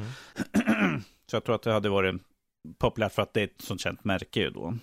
Ja, jag kanske Command Conquer tidiga. Mm. Men CS, eh, liksom att folk ser någon vara supersnabb. Sen är det så här, alltså, han skriver ju s- hypo, hypotetiskt. Ja, jo, milt sagt. För, eh, det var bara, det skulle ju aldrig varit moget då, tror jag, för Twitch. Då skulle ha booth babes och hela skiten, vet du. Eh, Men det är en kul fråga. Mm. Eh, Men det är väl det. Jag vet inte om ni har några sista förslag där, annars så Nej. nöjer vi oss där. Mm. Bra, men vet ni vad? Nej, vadå? Vi överlevde. Oh, ah, skönt. Jag tror vi lever. Matte har typ puls. Ja, jo. Han rör ju på sig. Han rör ju på sig. Han rör ju på sig. Ja, han rör ju på sig. Eh, och ja, vi hade mycket fler spel att kunna ta upp. Men vi tar det någon annan gång. Det är inte hela ska- världen. Man ska börja lugnt efter liksom uh, långtidsvila här nu. Ja, ja, ja, ja. Så är det. Så att, eh, och det är så här, jag kan ju passa på också att säga, nu har vi haft uppehåll, det är skönt att vara tillbaka. Och jag vill bara säga att jag genuint tycker det är fantastiskt att alla lyssnar. Jag ser ju att eh, folk skriver på, på, mm, på Instagram och säger bra för podd och allt vad det är. Eh, tacksamt, det är bra. Skriv gärna mer, vi vill gärna se uppskattningen mer. Eh, det behöver inte vara på Discord, det kan ju givetvis vara i vilket inlägg som helst på Instagram. Men, men, eller på Twitter. men, skriv, att ni, upps- men skriv att ni uppskattar Nördliv, men inte Fredrik, för han vill ju se, ha uppskattningen här. Jag vill att Nördliv har uppskattningen. För mig behöver det inte vara. Ehm, och tack helt enkelt att ni lyssnar. Yes. Stort tack. Men jag vill också tacka Danny och jag vill tacka Matte för idag. Tack själv. Och eh, sista gång, tänk på att vilket udda yrke skulle ni vilja se som ett simulatorspel? Kommer vara som en Discord-frågan på Discord. Så hoppa in där. Bra. Ehm, ja, pluggar. Jag behöver dra det eller? Ni vet, ni hittar oss överallt. Sök på Nördliv. Ja, precis. Nordliv SE på i- Instagram och Twitter och eh, Facebook och uh, nördliv.se Mm. eller nordlivpodcast.se för sajten. Då så, då får ni säga hej då. då. Ja. Glöm Toodaloo. inte äta eran BFG-korv. Nej men gud. Gud. Hej. Hej då.